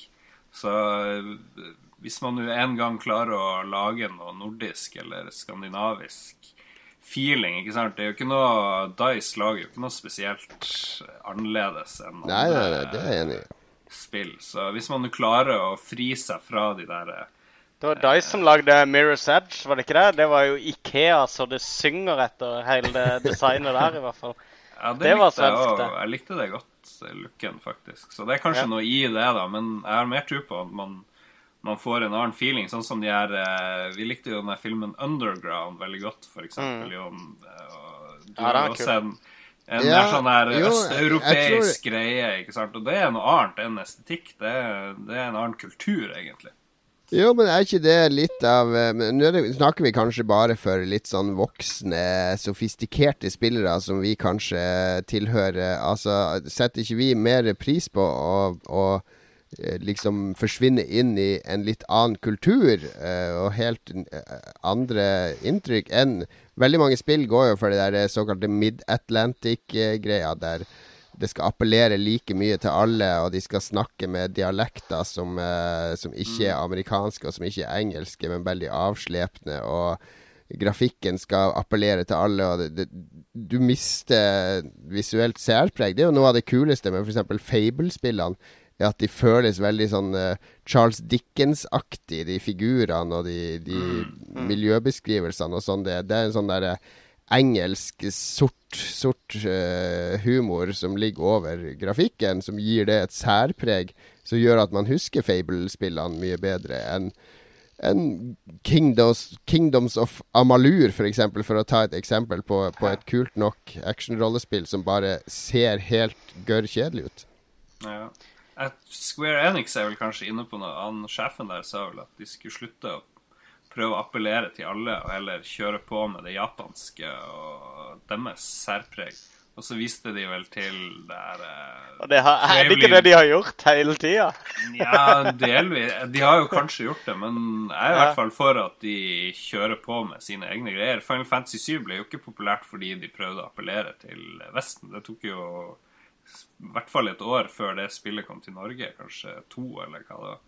Så ja. Jeg syns at de skal bare kjøre på med det de det de har, og drite i å prøve å tilpasse seg. Jeg syns at man skal lage ting for seg sjøl, og så får de som syns det er kult, ja. komme etter. Ikke prøve å lage ting for andre. Ja. All righty. Eh, Fampar, Fampar eh, 9, eh, har vi fått spørsmål fra han eh, før? Nei, jeg tror ikke det. Velkommen til oss. Han spør om et spill har fått oss til å gråte noen gang. Uh, og Da tenker han kanskje ikke på da vi var så liten at du ble nekta å spille og måtte ut og leke. og sånne ting. Knokepoker og um, Nei, jeg, har, jeg, får lyst til å kødde og si Final Fantasy 7, men, uh, men jeg var ikke en av de. Du gråt av det, gjorde du ikke det? Nei, det gjorde jeg ikke. det. Jeg var dritsur fordi at uh, uh, da hun dauer Det er lov å spoile Final Fantasy nå, er det ikke det? Fun Fantasy ja, 7. Ja, ja da hun dør, så var hun loada med sånn her materie eh, som var equippa på henne, for jeg spilte med henne. Og når hun dør, så bare forsvinner de ut av spillet. Så det, det er tapt for alltid. Så jeg var nødt til å da gå tilbake. For en kald jævel. For en kald jævel. Ja, ja. Jeg stakk av med alt støffet mitt. Ja, det er selvfølgelig. Det er det jeg tenker på. Ja, men du, Jon. Nei, uh, Dark, Dark, Souls Jeg har ikke grått ordentlig, men jeg har vært nesten på gråten. Det er sånn at jeg har vært så, fortvilt at, uh, Mer fortvilt. Det er mer fortvilelse, det er ikke gråt. Mm. Men det er, det, er, det, er, ordentlig, ordentlig sorg hvis, hvis jeg dør på et kritisk sted der veldig mye står på spill. Mm. Det, fordi nervene er så høyspent når jeg spiller. Det er så høyt adrenalin når du går på ukjente steder og møter ukjente ting og må komme deg videre. Må finne nytt leirbål. Og så, og så hvis du feiler, så er det nesten så tårene trykker på. er det det, altså? Ja, ja, jeg syns det. Jeg blir så investert ja. i det at jeg, eh, jeg For meg er det mest intense spillet jeg har spilt i de siste årene. To år nå. Uh, nei, Enda mer intenst i toeren. jeg tror ikke jeg har grått av et spill, men det, det Ja. Det, det, det, er jo noen spill som er mer sånn Som fremmer følelser enn andre. Men jeg kommer liksom ikke på de helt gode eksemplene, bortsett fra det her klisjéeksempelet Journey, da, som Det var jo en fantastisk uh, reise, egentlig, som spiller. Gråt av Journey? Nei, jeg gjorde ikke det, men det fikk nå følelsene uh, for så vidt i sving. Det var et utrolig vakkert uh, spill. Du gråt ikke av Flower òg, da? I samme sleng? jeg likte Flower veldig godt. Jeg må si Flower syns jeg var helt awesome. Det jeg gråter av Flower, for jeg har jo blomsterallergi. Nei, vi har vel uh, jeg, Vi har ikke grått på ordentlig. Bare inni oss. Gutta, kan vi fremskynde pausen til nå, for jeg bare må på dass her? Det kan vi godt gjøre.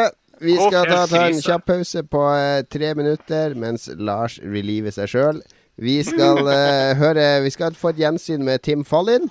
Jeg snakka litt om Maestro Mario tidligere, denne boka om Nes-musikk. Fallin var en av mesterne på Nes, og nå skal vi få, virkelig få en demonstrasjon på hva han fikk ut av Nes-lydchipen, nemlig musikken fra Silver Surfer. Fantastisk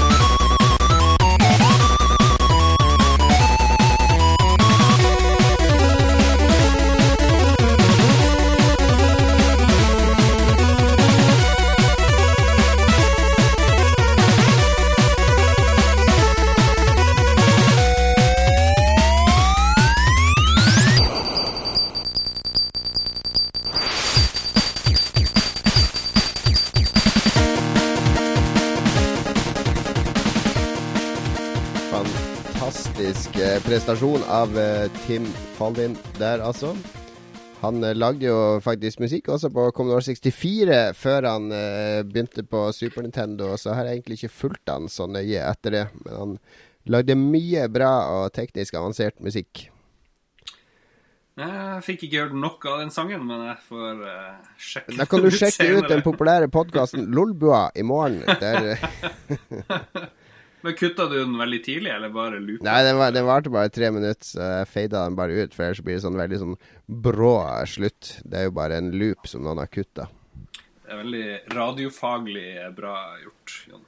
Det er godt. godt. Jeg håper jeg går opp i level snart i radioteknikerfag. Nå har jeg jo improviserte kabler og alt mulig her, for det var jo et, eh, litt av et kaos å komme i gang i dag. Men nok om det. Vi skal ta de resterende lytterspørsmålene, og nå er det Martin Herefjord. Hvilket spill er på toppen av deres ønske-drømmeliste? Hvem vil eh, begynne der? Magnus, drømmespill. Du må skru på lyden din. Uh, Ja, Magnus er, er stum. Eh, Hallo, hallo, hallo. Sånn. Ja, Uh, drømmespill blir litt rart for meg. Jeg vet ikke. Jeg, jeg, jeg leste i Edge i dag om et spill som heter The Vanishing of Ethan, Ethan Carter. Carter. Um, Carter? som jeg, s- eh, Carter. Uh, som jeg aldri hadde hørt om. Men som virker dritfett. Uh, som er et slags point and click grøsser mysteriespill. Eh, Eksisterer det? Nei, det er på vei til PC. Det skulle egentlig vært utgitt i fjor, tror jeg. Og så er det, Men det kommer i løpet av året. Men det er eh, ordentlig brutale, døde eh, skapninger overalt som skal Der du må finne ut av ting. Men spillet overlater veldig mye til deg sjøl. De gidder liksom ikke De har ikke gitt noen fortellerstemme til deg, da. Sånn at hvis du ser på et åsted, så får du ikke beskrivelsen at det, det ser ut til at det har foregått noe voldelig her, når det liksom ligger innvoller utover hele jordet. ikke sant? Du må Men- lage koblingen sjøl. Yes. Veldig mye blir overlatt til deg, da. Til at, eh, at, ja, at du lever deg litt mer inn i den rollen. Ja, det var veldig Det er kult, men risikabelt. Hvorfor det? Du kan jo feiltolke alt og så male deg sjøl inn i et hjørne. Uh, ja, men dette er et pegg og klikk-spill, så du kan liksom okay, aldri ja, male deg inn i et hjørne. Uh, Eh, Det er ikke et Men det er det som er på toppen av din ønskeliste. nei, jeg leste om det i dag og ble ekstremt interessert i det. Um, Ja, jeg men da, da, da er det vel oppe i toppen, i hvert fall. Eh, ja, i dag er det det. Og jeg må si at uh, Dragon Age 3 også har begynt å, å uh, hype seg litt opp Det ser ganske bra ut. Det ser Ja, ganske bra ut. Mm.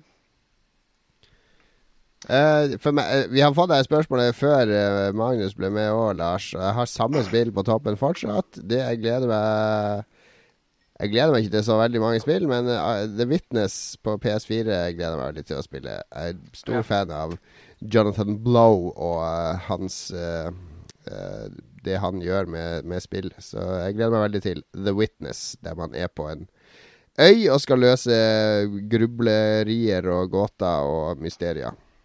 Jeg tror jeg svarte er South Park-spillet, kanskje, hva jeg gleder meg mest til. Men nå gleder jeg ja, meg mest Det var jo verdt å glede seg til. Ja, det var verdt det. Ja, flott, eh, flott spill. Nå gleder jeg meg mest til uh, X-Pilot-remaken. Lord Almighty. Gud, for et kjedelig svar. som må nevnes i hvert fall to ganger i hver eneste setning I hver eneste sending før det, det blir å skje. Så ja. Jeg tror jeg skal Jeg tror vi må starte en eller annen kickstarter eh, på det. Så kan alle de tusen menneskene som spilte det på 90-tallet, bidra. Men det, det, det er så enkelt, sant? Det er jo det er sånn Trust-spillet, bare for de som ikke har skjønt det. Du styrer en liten, et lite romskip i et vektorlandskap. Det er 2D.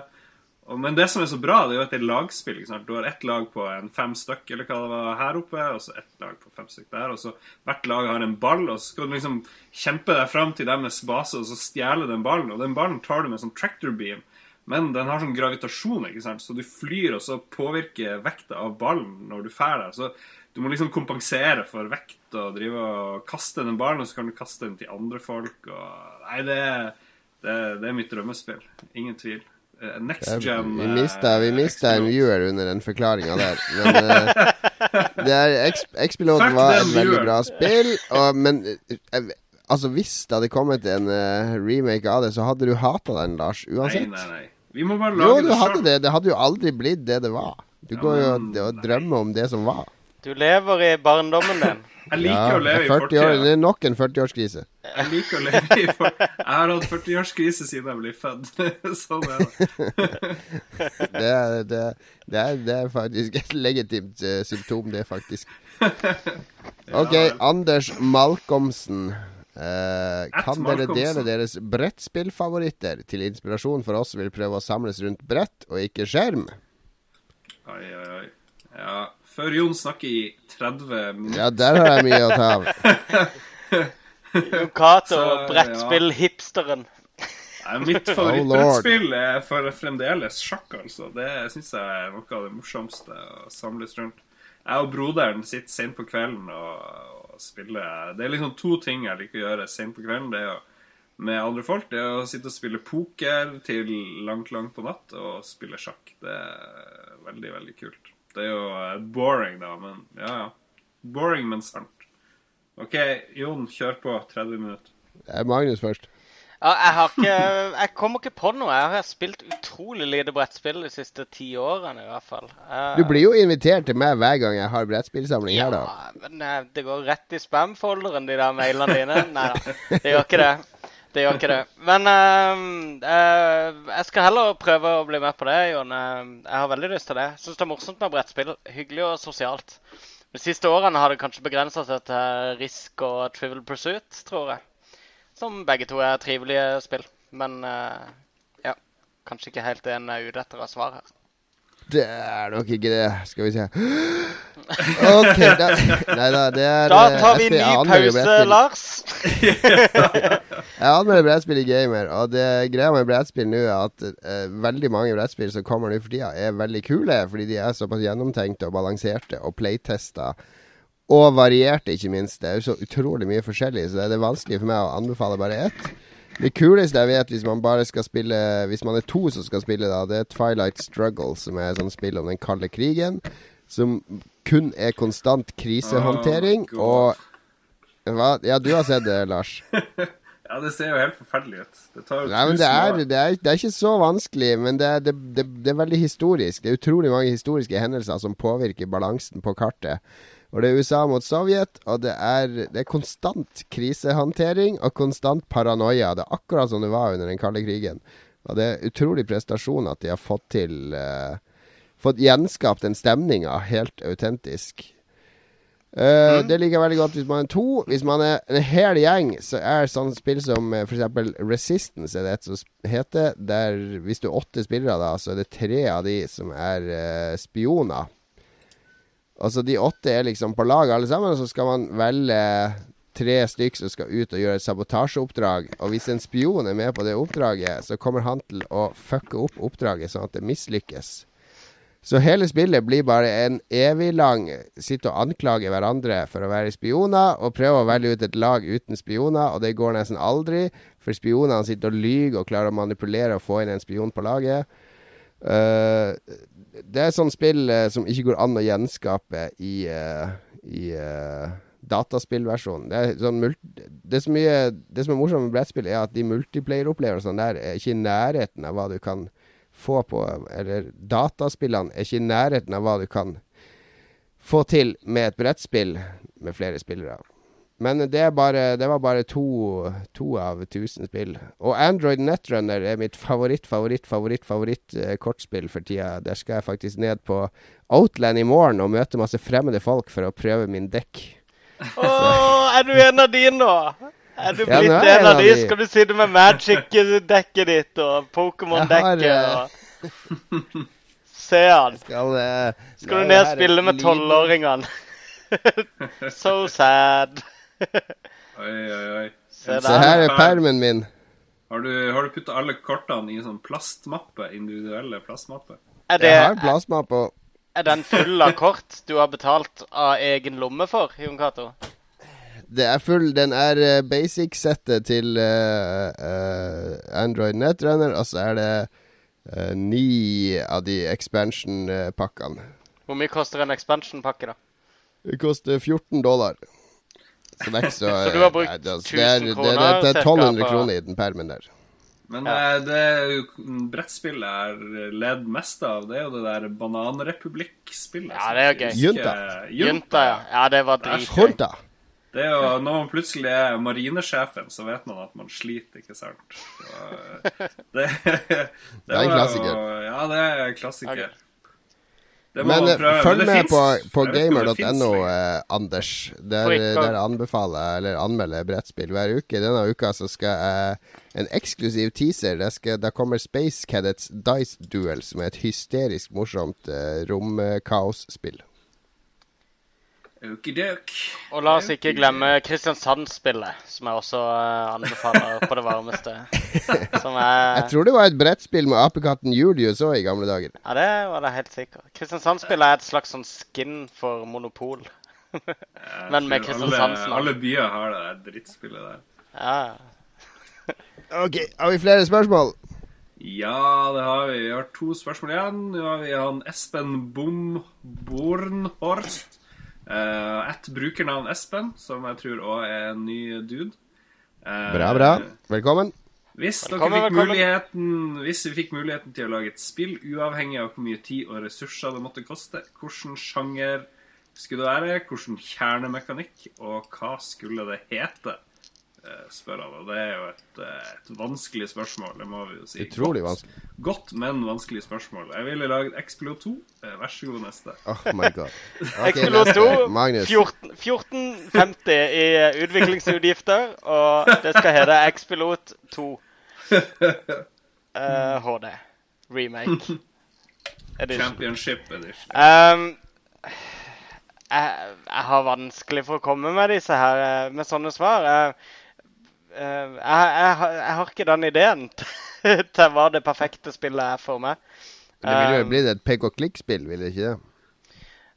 Nei, ikke nødvendigvis. Eh, Jeg er jo veldig glad i MMO-er, altså gode MMO-er. Og jeg føler liksom Wildstar er litt inne på det. Jeg kunne godt tenke meg et, et genuint morsomt MMO.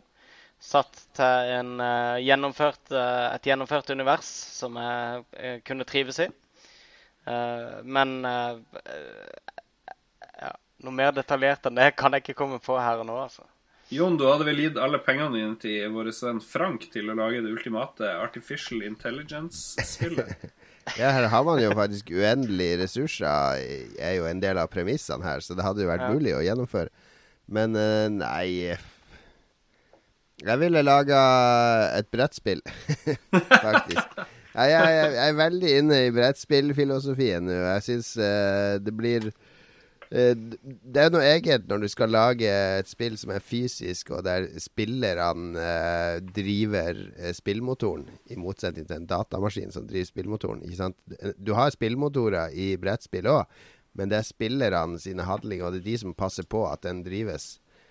Eh, Men mener, mener du at interaksjon ikke er en sentral eh, driver i eh, dataspill? Jo, men, men datamaskinen tar seg av alt som skjer i kulissene, og beregner AI og fiender og bevegelser og, eh, og alt sånn. Mens i et uh, spill som, uh, som Risk, så er jo også masse uh, mekanikker i bakgrunnen som sp- Spillerne styrer jo ting der òg, men du må ha en mye mer dynamisk spillsystem som spillerne direkte påvirker hele tida, og som går av seg sjøl. Ja, eh, ja, OK. Jeg føler det kanskje er sant for en del Sånn som online-spill, da. Siden jeg var inne på MMO-en nettopp. Uh, er ikke det også litt av greia? At uh, 50% av det som skjer i en MMO-verden, er spillerne. Og uten andre Ja. spillere så hadde, du, hadde ikke sjangeren liksom vært verd en dritt. Jo, men jeg skjønner ikke helt eh, hvor du vil hen. Altså, du kan jo spille eh, Dungeons and Dragons er jo også eh, et Det er jo, det er jo en, samme, en opplevelse som ligner på å spille et MMO. Der går du også i en gruppe på ride inn i en dungeon. Ja, riktig. Bare at der har du et helt annet spillsystem å forholde deg til, som spillerne sjøl kontrollerer, og der du har en GM som tar seg av eh, det som skjer i bakgrunnen Ja, nettopp. Men hva er og kan, eh, og kan mye, i mye større grad on the fly tilpasse scenarioet til spillerne sin handling enn World of Warcraft kan. Du kan ikke okay. gjøre noe uventa på et ride i World of Warcraft som der utviklerne sitter Oi, det der har ikke vi tenkt på. altså, det, det er jo Nei, men Så alltid det er, det er dynamikken du tenker på, da? Muligheten til å endre underveis? At det er det som er Nei, det jeg tenker på, er jo at hvis du skal lage et brettspill Et rollespill er jo et dårlig eksempel. Hvis du skal lage et brettspill, så må du ha noe elegant i spillereglene som gjør at det blir en balanse mellom det å bli utfordra, det å konkurrere, og det som skjer på brettet. Ja, jeg, jeg syns det høres ut som et multiplayerspill, bare uansett. At det er liksom Ja, brettspill Men, er jo multiplayerspill. ja, ja, men det er det jeg mener. At det, det er egentlig ikke noen forskjell mellom fysiske og digitale akkurat der. da. På måten man eh, balanserer dette med interaksjon og satt opp mot eh, Nei, det, men det er jo Ja. derfor veldig mange spillutviklere også lager brettspill. Sånn som Mm. han som lager XCOM, og han eh, Zimmerman som har Ja, laget riktig. heter Quantum, osv. Fordi at det er eh, det, det går ofte an å bruke brettspill som en måte å teste ut algoritmer og teorier til spesielt strategispill, da. Ja. Før du, før du programmerer de og ser om det funker eller ikke. Ser den. Det gjør jeg. Yes. Yes. OK. Ditt har vi mer nå, da? Ja, vi har et siste spørsmål fra vår venn Confusus90, altså så kjent som Jan Christian Hegel. Hallais. hva vi syns om at Cortana kommer til Windows Phone, som ble vist fram i dag, og det sjekker jeg, og det er jo eh, Windows sin svar på Siri. bare at det er jo Cortana som uh, erstatter den der Bing-search-greia. Det høres jo litt ut som en uh, Jeg er den eneste med den telefonen. Ja, det, er det. det høres litt ut som en aprilsnarr, men det er jo tydeligvis uh, seriøst. Er det ikke en aprilsnarr? Det har vært snakk om det lenge, faktisk. Uh, de har brukt samme stemmeskuespilleren som har stemmen til Cortana i Halo-spillet, til å du kan spørre om ting, liksom. Hva ja, Det funker. Det er akkurat som Siri, tror jeg. Ja, nei, men det er på, kult, på iPhone. Ja. Er det virkelig så Har de Selger de virkelig så få Windows-telefoner at de nå desperat prøver å lokke Halo-fans til å kanskje øke salget litt? Altså, Jeg syns det virker helt merkelig. Nei, ja, det de gjør, de tar jo bare et Microsoft-varemerke og integrerer det i Altså, De har jo allerede stemmestyring på Xboxen. ikke sant? Så sier de OK, vi har, ja. tenkt, oss, vi har tenkt oss stemmestyring på Windows-telefoner også. Så åssen kan vi liksom brande det? Ja, vi har allerede Cortana. Da tar vi hun inn i Da bruker vi hun som utgangspunkt, siden Apple har Siri. Jeg vil ha det jeg, jeg, jeg, tror ikke det stikker, jeg tror ikke det stikker noe dypere enn det. Nei, det men jeg lurer, jeg lurer, mer på hva de folka i Bungie som lagde det opprinnelige Halo, syns om at Cortana nå skal bare redusere til å være en sånn herre eh, dustestemme på en mobil. Ja, men det er jo det, Er det ikke nesten den funksjonen hun har i Halo-spillene? Er hun ikke bare en sånn her uh, Hun er en AI. Ja, nettopp. En AI-assistent. En selvgående AI. Ja, og det er vel ideen, da. Min drømmegreie må ha vært å ha der dama fra Star Trek Next Generation til å snakke i min mobil. Det hadde vært uh, awesome. Ja, Kjæresten min hun har den der lyden fra Star Trek når de får sånne meldinger. Den har hun på tekstmelding uh, på mobilen sin. Jeg har en geeky kjæreste, har jeg funnet ut.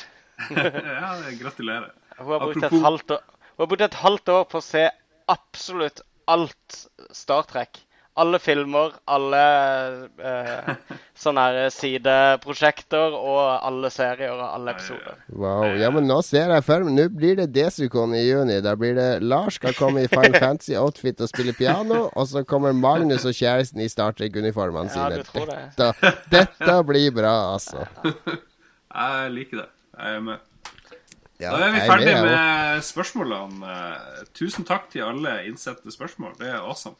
Ja, ja, og veldig mange bra spørsmål òg. Jeg syns det er høy kvalitet på mange av spørsmålene vi får, fordi det, det, stimulerer til eh, de heftige diskusjoner her. Ja, ja, men vi klarer å ta de enkleste spørsmålene og lage krangler ut av Ja, det ligger i vår natur. Ja, det gjør det. Vi er bygd sånn. neste gang håper jeg vi får noen spørsmål om pølse som Magnus kan sette seg inn i. Send gjerne inn pølsespørsmål. Vi må videre i sendinga. Det begynner å bli veldig seint der. Hva har vi spilt i det siste, er det neste spørsmålet. Og um, Magnus, jeg ser at du er på Dragon Age. Ja, det var et Her har du kjøpt PS4 og Xbox One, og så sitter du og spiller Dragon Age på 360-en din, er det så? Helt merkelig. Uh, det var et innfall jeg fikk i dag. Uh, uh, litt utpå dagen så begynte jeg å eh, tenke på at det egentlig ikke fins noen skikkelig rollespill ennå til de neste uh, konsollene. Og så mm. fikk jeg bare et sånn kjapt flashback til, til Dragon Age-universet. Og så kom jeg på ja, jeg spilte allerede Awakenings, den der expansion, til det første spillet. Så jeg satte i gang med det og har spilt en fire-fem timer i dag på det. Bortsett fra det har jeg ikke hatt så mye tid til å spille denne uka. Så, så det, er, det, er, mitt uh, game of the week, faktisk. Hm. Men uh, det er ganske dårlig, altså. det har tapt seg litt, tror jeg. Ja, det har det. Det er dårlige kontroller. Men det er en del gode ideer der også, som jeg gjerne skulle sett i andre spill. Menysystemet er bra, syns jeg, i fighter og sånn. Det var vel også en del bedre på PC, men jeg husker, for det var en del forskjeller på PC-versjonen av Dragon Age og konsollversjonen. Ja, riktig. Du kunne Det var my mye mer likt Baldur's Gate på PC ja. med partystyring og sånne ting. Riktig. Uh, men jeg syns Det hadde jeg egentlig aldri noe issues med med det uh, originalspillet heller. Det var litt sånn her kameraproblemer og sånne ting. Nå er det mest det visuelle. og at uh, Altså, du, du, ser at det trekker veldig på årene. Men Har du tenkt å pløye gjennom det, og så toeren, for liksom å forberede deg på treeren? Jeg spilte nesten gjennom toeren også, og jeg spilte nesten gjennom eneren. Jeg er liksom rett før siste svære battle i eneren, faktisk. Jeg har ikke runda det heller. Uh, Ja, jeg satt i sofaen og var veldig tøff der når jeg satte disken i Xboxen og tenkte nå gjør jeg det, nå runder jeg alle disse, og så er jeg klar for eh, Dragon Age 3. Men fire-fem timer i Awakening eh, gjorde at jeg, jeg tviler litt på at det kommer til å skje. Eh, det er litt mye okay. timer. Yes, yes. Nei, men uh, jeg, jeg var på, uh, på Dragon Age-tur til BioWare i sin tid, oppe i Mm. Edmonton, og, og prøvde det. Og snakka med begge de der doktorene. Uh, de har så vanskelige navn. jeg har helt glemt. Han ene driver vel med ølbrygging nå, tror jeg. Eh, ja. Ja, de det var- slutta begge to, Fat Chuck. var det? Ja, de slutta begge, begge to. Men de var, eh, de var veldig hyggelige og oppegående å prate med. Eh, Han ene de hadde veldig sånn det- spartant Det var veldig norsk der oppe, da, fordi Edmonton er jo en sånn øde liten by oppe i Canada, og det var masse snø og fokk og skit når jeg var der. Det var akkurat som å være i Norge, med sånn våt, klisjete høstsnø. uh, og de, de, de lokalene deres uh, var jo inne i et hotell, da. Det var sånn halve, Halve bygget var hotell, og halve var sånn kontorer. Så det var ikke noe sånn fancy i det hele tatt. Men jeg fikk med en sånn drageøl hjem, fordi de hadde lagd sånn eh, pose på alle rommene til journalistene. Og oppi den så var det en sånn drageøl med 15% alkoholstyrke. Ja, det, det er en av de mest heavy ølene jeg har smakt.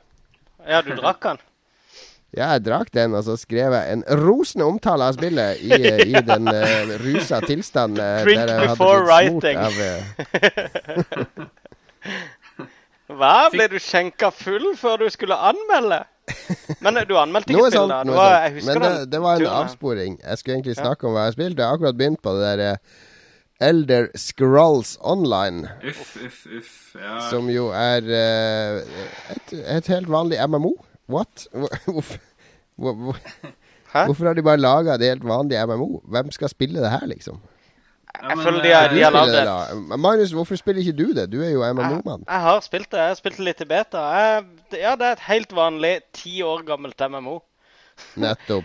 Ja, det er, det er, så lite ambisiøst og kjedelig og ja. Og hvem, hvem er det som har funnet ut at den Elder Scrolls-verden er så kul at vi må lage et MMO av den? For det er jo en av de Altså, jeg liker Skyrim og Morrowind og alle de spillene, men den spillverden har jeg aldri brydd meg en dritt om historien i. Jeg, jeg aner ingenting om hvilk, hvor de rikene ligger i forhold til hverandre, og kongerekke og sånne ting. Men det er det nok en del som gjør. Men, men det er jo langt unna hvis vi skal trekke linjene til Warcraft, da. Som, som er utgangspunktet for World of Warcraft. Uh, Men Ja. Elder Scrolls-navnet er jo eh, Det er jo en storselger, ikke sant? ja, ja, men Det er jo det. Ja, ja, ja. det er Navnet bare jeg tror spillet- Mange som forventer seg Skyrim, kommer til å bli dritskuffa når de spiller det her. Jeg leste noen kommenterte, og det var veldig enige. For det, det la godt merke til i begynnelsen. Det, der, det som er kult med, med disse her Elder Scrolls-spillene, det er jo det at du får oppdrag som bare sender deg til andre enden av verdenskartet. Ganske Ja. tidlig ut, ikke sant? Mens i, i dette spillet her så, så blir du aldri sendt lenger enn liksom sånn noen hundre meter. Ja. Gå opp på åsen der og drepe han der slemmingen som har plaga oss i flere uker. Ja. Og så er du alltid innenfor bygrensene. Og så, så kommer du ikke videre til nye områder før du liksom har gjort det og det og det. Så de har Jeg, det- jeg syns det er helt merkelig. Det, det som er Det serien er kjent for, Elderscroll-serien, er jo exploration. Det er jo det som er det kule, liksom. Ja, med ja, ja. Og det har de satt en liten stopper for. Jeg tror ikke det Nei, blir noe suksess. det virker teknisk bra, og alt sånn. Det flyter kjempebra og kul grafikk, og, men jeg, jeg skjønner ikke hvorfor jeg skal bruke tid på det. Men du er jo ikke noe MMO-dude, er du, Jon? Du har vel aldri vært noe Jeg har spilt inne på det? World of Warcraft og, eh, og Star Wars Old Republic, og jeg, jeg har spilt ganske mange MMO-er. Ikke til maks level og, og, og endgame raids og sånne ting, men uh, jeg har alltid vært eh, Jeg har lyst hadde, hadde, hadde jeg ikke hatt barn og kone og jobb og sånn, så er det jeg igjen, godt så- ha spilt mye MMO, for å si det sånn. Bare noen år til, Jon, så sitter du der alene i den der rekkehuset ditt, og da, Man da har du vet, tid. vet aldri hva som skjer. Kanskje drømmen går i oppfyllelse. Men, eh, men jeg har ikke prøvd det der. eh, Prøvd noe beta eller noe. Hva er det som skiller det der Elder Scrolls Online fra andre Nei, det er det, da. Altså, det er, det er sånn actionslåssing som det var i Konaen. Eh, du må trykke på musa og blokke Mm. og sånne ting. Men Det det er jo bare det stats i bakgrunnen som bestemmer. Jo, men så er det lagt veldig til rette for uh, first person view gjennom uh, at du kan spille i first person ganske mye av spillene. Ja. Uh, det er vel den edgen de har tilført det. Men nå kommer jo nå kommer Wildstar fra samme distributør, i hvert fall. i ja, det gleder jeg meg til. Ja, og det er jo liksom Det er på den andre enden av pendelen. Det er liksom Ja, ja, ja. super farverikt og lystig og Og ikke minst en law som jeg bryr meg om. Fordi Ja. bare, bare fem minutter ute i tutorialen på Elderskål, så begynner de å snakke om noen sånne vesener og kongerekke og ditt og datt, og da faller jeg av. Altså, les dere har, De dere har lest bøkene i Skyrim, så dere finner. Nei, jeg, jeg, heller, eh, jeg lener heller mot å samle ostehjul enn å lese ja, bøker. Fordi jeg er egentlig sånn notorisk Jeg elsker å lese sånne her, uh, handouts du får, og laws og bøker i spill. Men jeg klarer ikke i Elderscroll-spillene fordi det er så dørgende kjedelig å lese de her eventyrene og fablene og alt det der som de elsker å skrive opp. Jeg leste overraskende mye i, eh, i Mass Effect-spillene, faktisk. Da leste jeg mye law. Ja, det gjorde jeg òg. Det syns jeg var litt i, ja, og litt i Dragon Age også. Det var inniblant så var jeg veldig inne i Lauren der, faktisk. Um, men jeg er helt enig. Jeg, jeg, syns, Jeg har en syns Dragon Age-roman oppi hylla her, hvis du vil låne en. Nei, deres. det vil jeg helst ikke.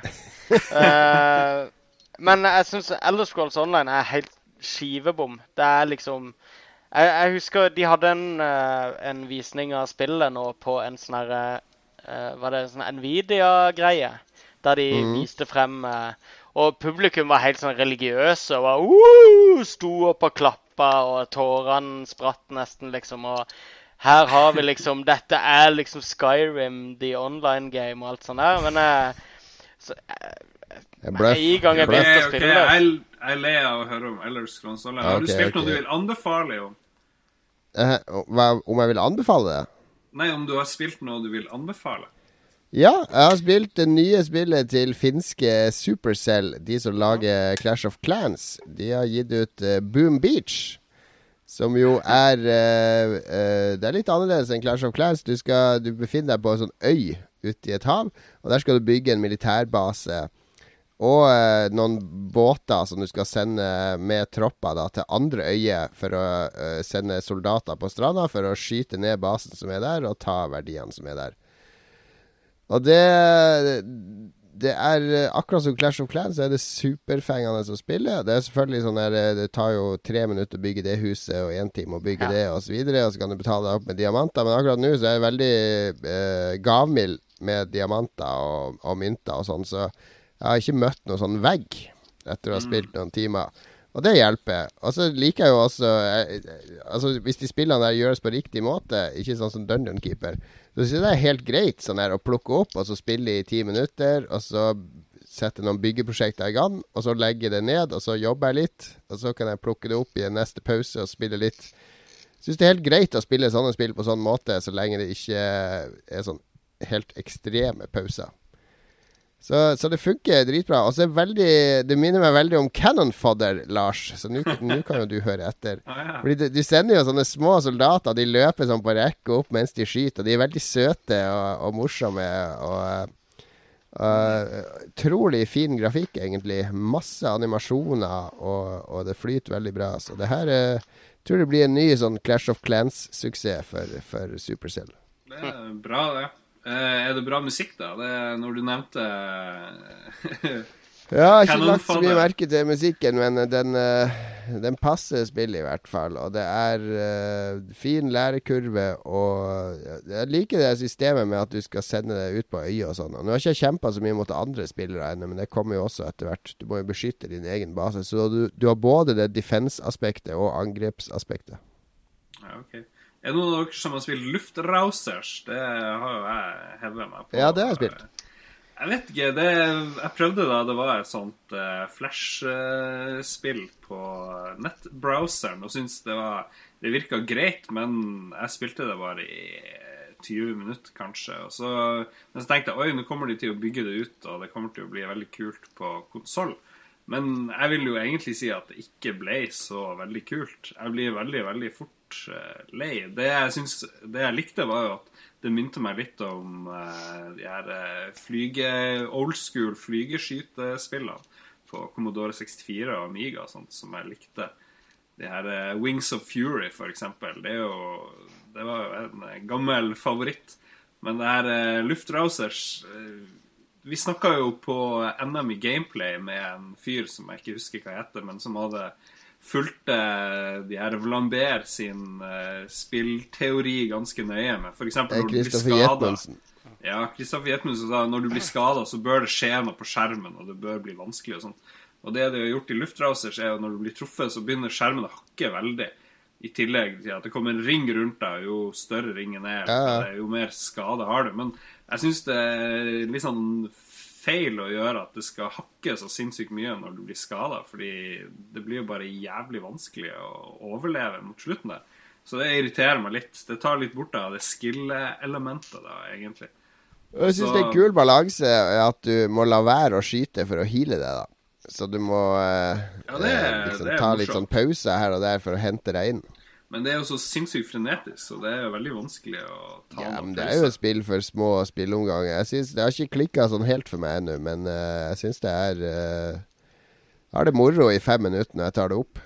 Ja, men hvem gidder å spille i fem minutter på en PS4, liksom? Nei, PS3 eller noe sånt? Det skjer jo ikke. Et Vita-spill, er det ikke det? Jo, det er vel òg et Vita-spill, men uh, ja, den er ikke lada opp. Vitaen min lades ut på to minutter, føles det, så jeg hvis ikke jeg spiller eh, et eller annet Danganronpa eller noe sånt, så gidder ikke jeg å lade det opp. Men, eh, og så får du upgrades, da. Men alle upgradesene er jo verdiløse, egentlig. I hvert fall de jeg har fått til nå. Så det hjelper ikke. Ja, jo Jeg er ikke helt ja. enig. Men uh, det, er jo, det er jo verdt å sjekke ut, er det ikke det?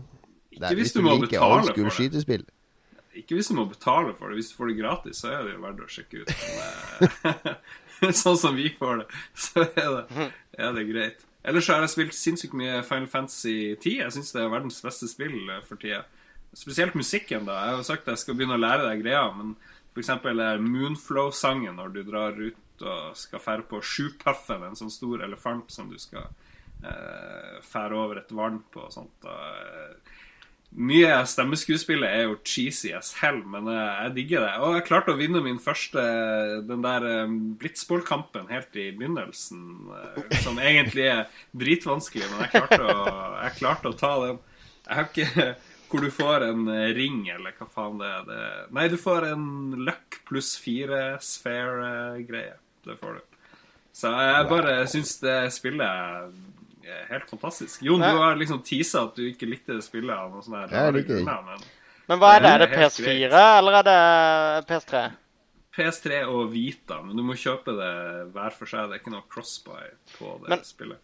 Men hvorfor slipper de en HD-remake til PS3 når PS4 er ute?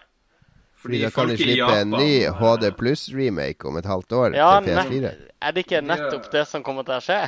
Ja, men de har bare solgt 300 000-400 000 PS4 i Japan, så det, det er ikke noe vits. Ja, men Final Fantasy 10 solgte jo grisebra internasjonalt, gjorde de ikke det? Jeg husker jo, det som Dessverre en... gjorde det.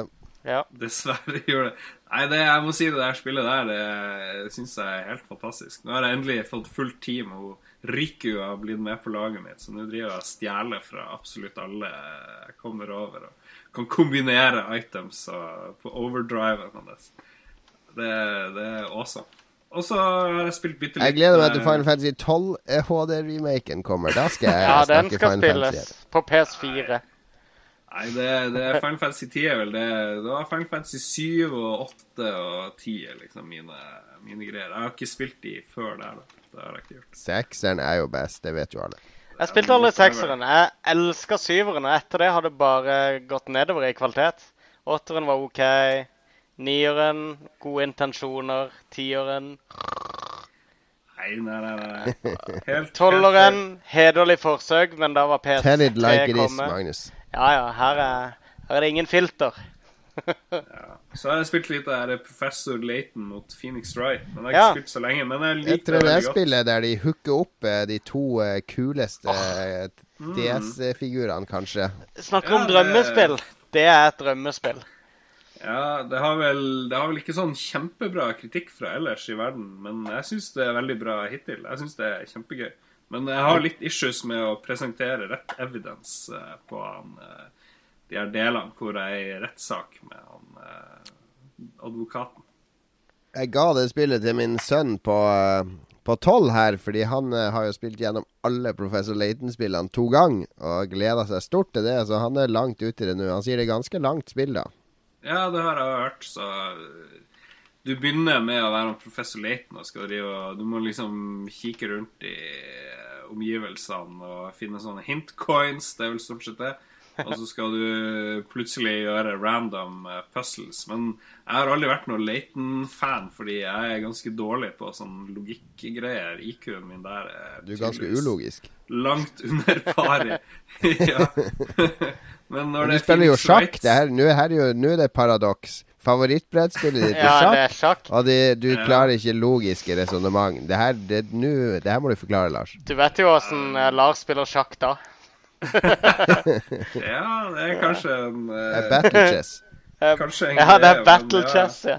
ja. Jeg har nevnt det. Det er kun battle chess på Commodore 64 jeg spiller. jeg spilte det på PC.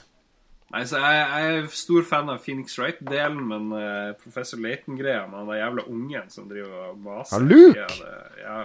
Ikke gå diss Luke. Nei, han er litt masete, det er jeg enig i. I think I got it! Ja. ja, hva er det for noe? Det er da Luke det er... løser en gåte, så tar han opp fingeren sånn, og så bare I think I got it. Har ikke han der Luke foreldre? Hvorfor er han aldri hjemme? Ja, han er jo sånn der uh, Charles Det er sånn Dickens uh, orphan. Ja, Protégé til, ja. til Leighton. Det er en mystisk forhold der. Jeg vet ikke om vi tør å gå nærmere inn på det. Slutt nå, slutt nå. Nå skal du eh, ikke begynne å besudle Altså, det her er jo uh, anime og manga av Miyazaki-kvalitet. Nå skal vi, ikke, skal vi ikke komme opp med at det er pervertiteter i manga. Det, det skulle tatt seg ut. Nå kommer du med dine fordommer mot manga. Jeg må minne om at over 90% av manga har ingen uh, seksuelle undertoner i det hele tatt. Har du tall til å underbygge det, Jon Cato? Kan jeg se den grafen? order, order in the Lolbu. Objection! Ja. jeg, tror, vi er ferdig med å snakke spill nå. Jeg tror vi skal over til uh, musikkonkurransen. Forrige gang så konkurrerte vi i um, uh, JRPG Victory Fanfare. Det gikk rimelig dårlig for alle parter. Det gikk rimelig dårlig. Det var dårlige bidrag fra begge to. Og vi ba lytterne stemme, og vi fikk bare inn to stemmer. Én til deg, Lars, og én til meg. Så det ble uavgjort. Skal vi da ha et halvt poeng til hver? Eller skal Magnus du... bli en deal-breaker? Nei, Magnus likte ingen av de, så han får ikke lov å si det. Det sa jeg ingenting om. Jo, det sa du før sending.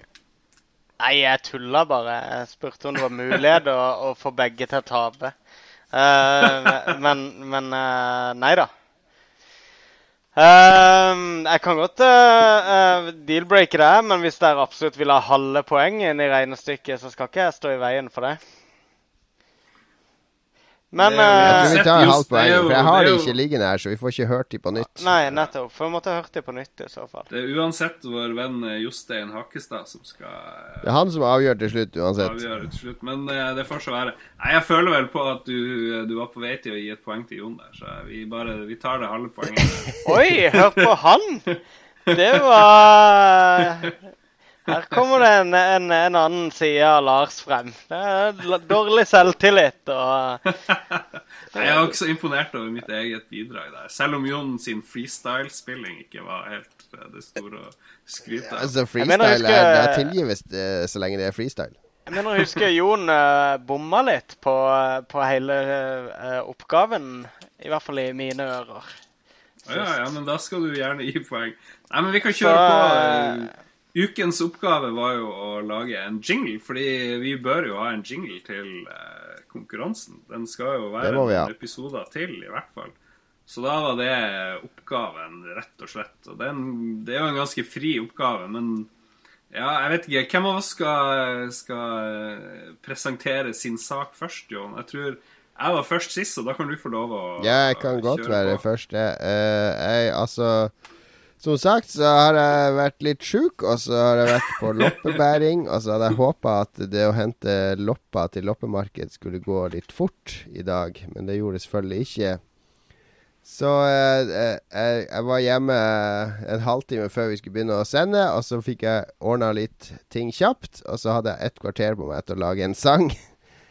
og det det betyr at alle tracks er spilt inn live da. Jeg har ikke vært og edita i noe Putta inn noter manuelt. Og Hva du sier for noe? Eh, ja, det, men jeg, jeg, skulle, jeg, skulle, delta, da. Det var poenget mitt. Jeg kunne ikke komme til programmet. Altså, the LOL must go on. Kan, man kommer ikke til programmet når man har fått en oppgave og sier at 'nei, det klarte jeg ikke', som visse andre gjorde når de var syke. Så det, det, The LOL must go on. Er du helt enig, Lars? Ja, jeg er helt enig. Fy, fy skam, Magnus. Det var jo deg som var syk. Var det ikke det sist? Så jeg har ingen, ingen, tanker eller noe som helst rundt det jeg har lagd. Jeg har bare prøvd å lage eh, noe som skulle vare i ti sekunder. Så for, for å oppsummere, Jon Cato. Unnskyld. Mm? Og det fikk jeg jo til, da. Jeg, jeg, kanskje litt over ti sekunder. Er dere klare? Jeg er klar. Ja. Da skal jeg eh... Da kommer den. live? Og nå.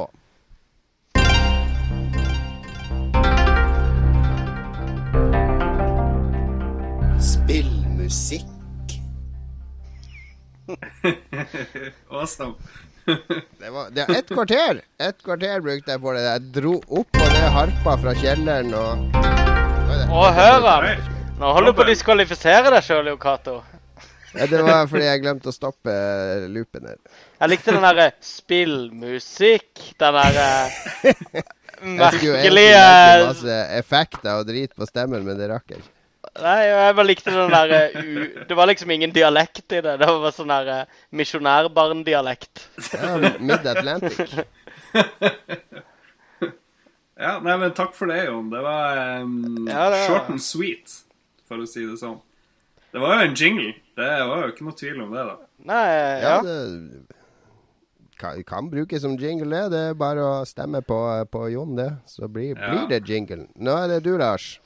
Ja, og vi bør jo, bør oppfordre folk til å kanskje stemme denne gangen på på favoritt, så vi vet hvilken jingle vi skal ha neste gang. Vi kan ikke vente ja, Nå skal, jeg, skal jeg prøve å ekstrahere begge, og så legge de som en egen sak på Endboss, sånn at man kan eh, høre bare på de to sangene. Så kan vi ta og linke til de et par ganger, for da får vi litt flere stemmer. Ja. Nei, eh, tanken bak min var at den skulle bygge seg opp på et vis. Den skulle eh, eh, begynne litt rolig. Jeg føler en jingle skal begynne litt rolig, og så skal den eksplodere i et eller annet. Og siden det handler om en spillmusikkonkurranse, så tok jeg med litt sånn ulike samples fra ulike spill. Så det kan være en oppgave til dere som hører på. å Klare å identifisere hvilket spill jeg har uh, sampla greier fra. Og så har jeg jeg tror jeg har fire syntspor. Jeg har gått eh, bananas på syntkjøret og prøvd å lage sånn en synt kalte jeg vel Commodore 64, men jeg vet ikke om det stemmer. Det er vel mer en slags uh, skurrete uh, syntforvrenging. Men jeg har spilt ganske mye sjøl denne gangen. Har du brukt, eh, til, har du brukt uh, harpa denne gangen, eller? Harpa harpa har fått blitt liggende. Stå, Står han på loftet nå? men, men jeg prøvde å få frem en slags følelse av konkurranse. da, At det er konflikt, og at nå skal man liksom bevise hva man kan. Det er en slags oppfordring til å, til å kjempe, kan du si. Så her er det bare å kjøre i gang. Jan. Welcome. I trust that you are here to redeem yourself.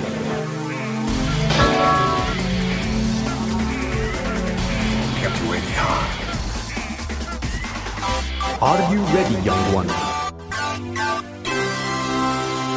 Do you know who I am?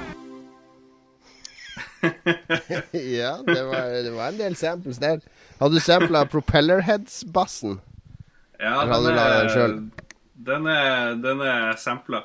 Men jeg følte at uh, Så du har ikke laga musikk, er det det du sier? Jo, jo, jeg har lagd alle de her uh, Oi, skal vi inn i den debatten om samples er musikk nå? Det er... ja, jeg, jeg, bare syns den bassen og det var kult, men så tenkte jeg hva hadde skjedd med det? Ja, men det er lov å sample, er det ikke det? Ja, Men Jon, jeg er føler jo at, er Jeg eh, har ikke Jo. Men Jeg føler jo at den eh, Den eh, eh, Den der eh, Den var altfor kort. Jeg følte at min, eh, min eh, Mitt ferdige produkt var mye lengre. Så jeg vet ikke Skal vi se. Skal bare se om jeg finner tak i originalfilet. Din var jo eh, mulig det var 25 sekunder, faktisk. Min var 25 sekunder. Mm. Jeg hørte jo ikke 25 sekunder her. Det må ha vært noe rart med overføring her. For det gikk jo Følte du du fikk 25 minutter med awesomeness, eh, Magnus? Nei, Hvis det var 25 minutter, så eh, 25 jeg sekunder. Da mangler det noe. Eh, nei, jeg vet ikke. Kanskje. Kanskje. Han var, han var jo ganske lang, men eh, du vet, tida flyr når du har det gøy. er det ikke det de sier? Så Eh, Det var bra laga, det er ikke Ja. det jeg sier. Nei. Syns du han var for lang, Jon? Var det det du sier? Kritiserer du Nei, eh, altså 30 sekunder er vel uh, breaking point på en eh, jingle, så den holdt seg under det. Ja, jeg gjorde det. Uh, jeg likte han godt. Jeg, jeg syns han uh, Det høres ut som en, en jingle til den. Eh, jeg, jeg kunne finne konflikten i, i, i jinglen som, som Lars Ja, snakka om. Jeg syns jo han kunne sampla da eh, spillmusikk, siden det er spillmusikkquiz, i stedet for å sample Ja. filmmusikken til Matrix. Ja, men jeg det sampler det syns jeg var jeg litt paradoksalt. Ja, men jeg sampla jo mest spillgreier, da. Det kom jo eh, Portal 2-ting. Men jeg hørte det ikke i, her på min ende, da. Så jeg syns det var noe eh, bogus med Ja, det er mulig at vi bare får ut monolyd via den kabelen jeg har nå, men det blir stereo på, på lydfila til sangen. Men Jeg jeg, jeg føler at folk det, må det høre originalfiler, for det der eh, Det var ikke sånn eh, Det var ikke sånn det var. eh. Ja, altså, vi skal ikke lage så avansert musikk at det det Men der da har de i hvert fall- høre, må høre flakk, flakkfiler. Fordi den MP3-fila klarer ikke å gjenskape Nei. min visjon. Nei, det var ikke men min fil var jo 28 sekunder, så det, det, er noe, det er noe galt der. Vi må sende den uh, Den er, 20, den den er 30 sekunder, den her, uh, Lars. Det er ikke noe galt. Har du sendt meg feil fil i så fall? Eh, Nei da, nei da, jeg setter det rett. Men ja, ja. Det får så være. Det får så men kan være. vi ikke oppsummere det med å si at eh, Lars har uh, fokusert på konflikten og, og konkurransen, mens Jon valgte å fokusere på de mer meditative elementene i spillmusikk. Men det, det var jo, jeg hadde jo sampla bl.a. Jon sitt favorittspill. Det var jo eh, masse Trommedelen på den ene det- greia var jo faktisk eh, Parappa the Rapper. Det var jo alle de her prategreiene var egentlig derfra. Det burde du ha kjent igjen, Jon. Men nå gir du jo bort denne konkurransen du nettopp har gitt til lytterne våre. Nei, men det er mye mer igjen, da. Det er mye mer igjen, da. OK. Så det var bare litt. Det var En bare en, liten smakebit. teaser. Ja. Ja. OK. Men da, blir, da, eh, skal vi, da håper vi at vi får litt uh, stemmer denne gangen. Uh, jeg vil jo uh, Jeg vil jeg jo vil holde en anbefale på folk å at gå på Lars Endboss stikker av med den her. Fordi uh, min er jo et 15 minutters verk, mens Lars sin er en 15 dagers verk. Men, Jeg holdt på i to uker før vi visste hva konkurransen var. Det er helt sant. Oi ja, nei, men det, det var Jeg syns det var imponerende hva Lars hadde eh, klippet sammen i dag. Det må jeg Jeg si. syns, jeg syns uh, vignetten, eller den der banneren til Magnus, er kanskje det mest imponerende denne uka. her. Den må folk uh, gå og sjekke. Uh, den Den bør vi sjekke ut. Det nærmer seg slutten. Vi, eller vi er på slutten. Da får vi spille litt ordentlig spillmusikk, Lars. Hva er det her for noe? Det her er Actionbiker. Actionbiker. Sånn skal spillmusikk lages. To kanaler, bass og hovedstemme. Vi er ferdig for i dag. Vi har holdt på et par timer som vanlig. Hatt mange bra diskusjoner. Eh, og hatt kontinuitet i vår musikkonkurranse. Det er bra, men vi har ikke valgt tema for neste ukes musikkonkurranse. Hva skal det være? Oh my god. Jeg tror det er din tur, Jon. Eh, da skal vi lage musikk til uh, login-skjermen på et MMO. What the fuck? Ja, den er bra. Den er bra. Den der eh, pretensiøse opera, fantasy-operaen ja, i World of liksom eh, Warcraft. Det er en eh, sang som skal transportere deg fra den kjedelige verden du er inne i, og skape forventningen til den fantasifulle og kule verden du er på vei inn i. Så da må vi synge litt sånn kor og greier òg, er det det som er opplegget? Må nok Nei, det. det løser du. Det finnes mange forskjellige MMO og mange forskjellige sånne sanger. Så det, er, det skal være introskjermen, login-skjermen til et MMO. Det her er veldig urettferdig. Jeg hører ikke på eh, Jeg spiller ikke MMO-er, men det er greit. Vi tar utfordringa. Du får ta utfordringa på stående eh, han-fot. Eh, da, da sier vi det til neste uke at vi skal lage det. Eh, er det noe annet spesielt som skjer neste uke? Det blir vel siste podkast før påske, det. Oi, oi, oi. Skal vi ha noe eh, det påskenøtter ja. eller noe, da? Neste uke kan vi prøve å ha det på en tirsdag, tror dere. Ja, Det kan vi snakke om strengt tatt etter sending, da, Ja. Magnus. Det er ikke så Jo, men eh, jeg tenkte kanskje vi kunne si at uh, neste tirsdag blir uh, neste podkast. Oh, Det må jeg sjekke ja. min uh, tettpakka kalender okay. først, men det er godt Da mulig kan, vi, da kan vi ikke si det. Da kan vi ikke si det. vi kan ikke det. Vi kan i hvert fall si ha det, og følg oss på uh, Twitter, at lolbua. Eh, på uh, nett, lolbua.no, og lolbua.com tror jeg jeg har kjøpt nå.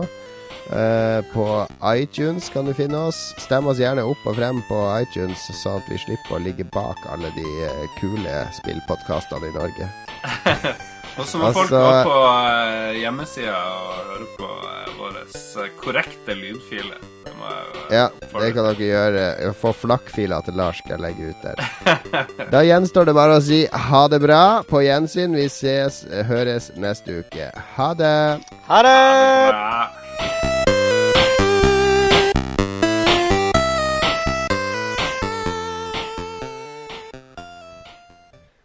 Har du et enkeltpersonforetak eller en liten bedrift? Da er du sikkert lei av å høre meg snakke om hvor enkelt det er med kvitteringer og bilag i fiken, så vi eh, gir oss her, vi. Fordi vi liker enkelt. Fiken superenkelt regnskap.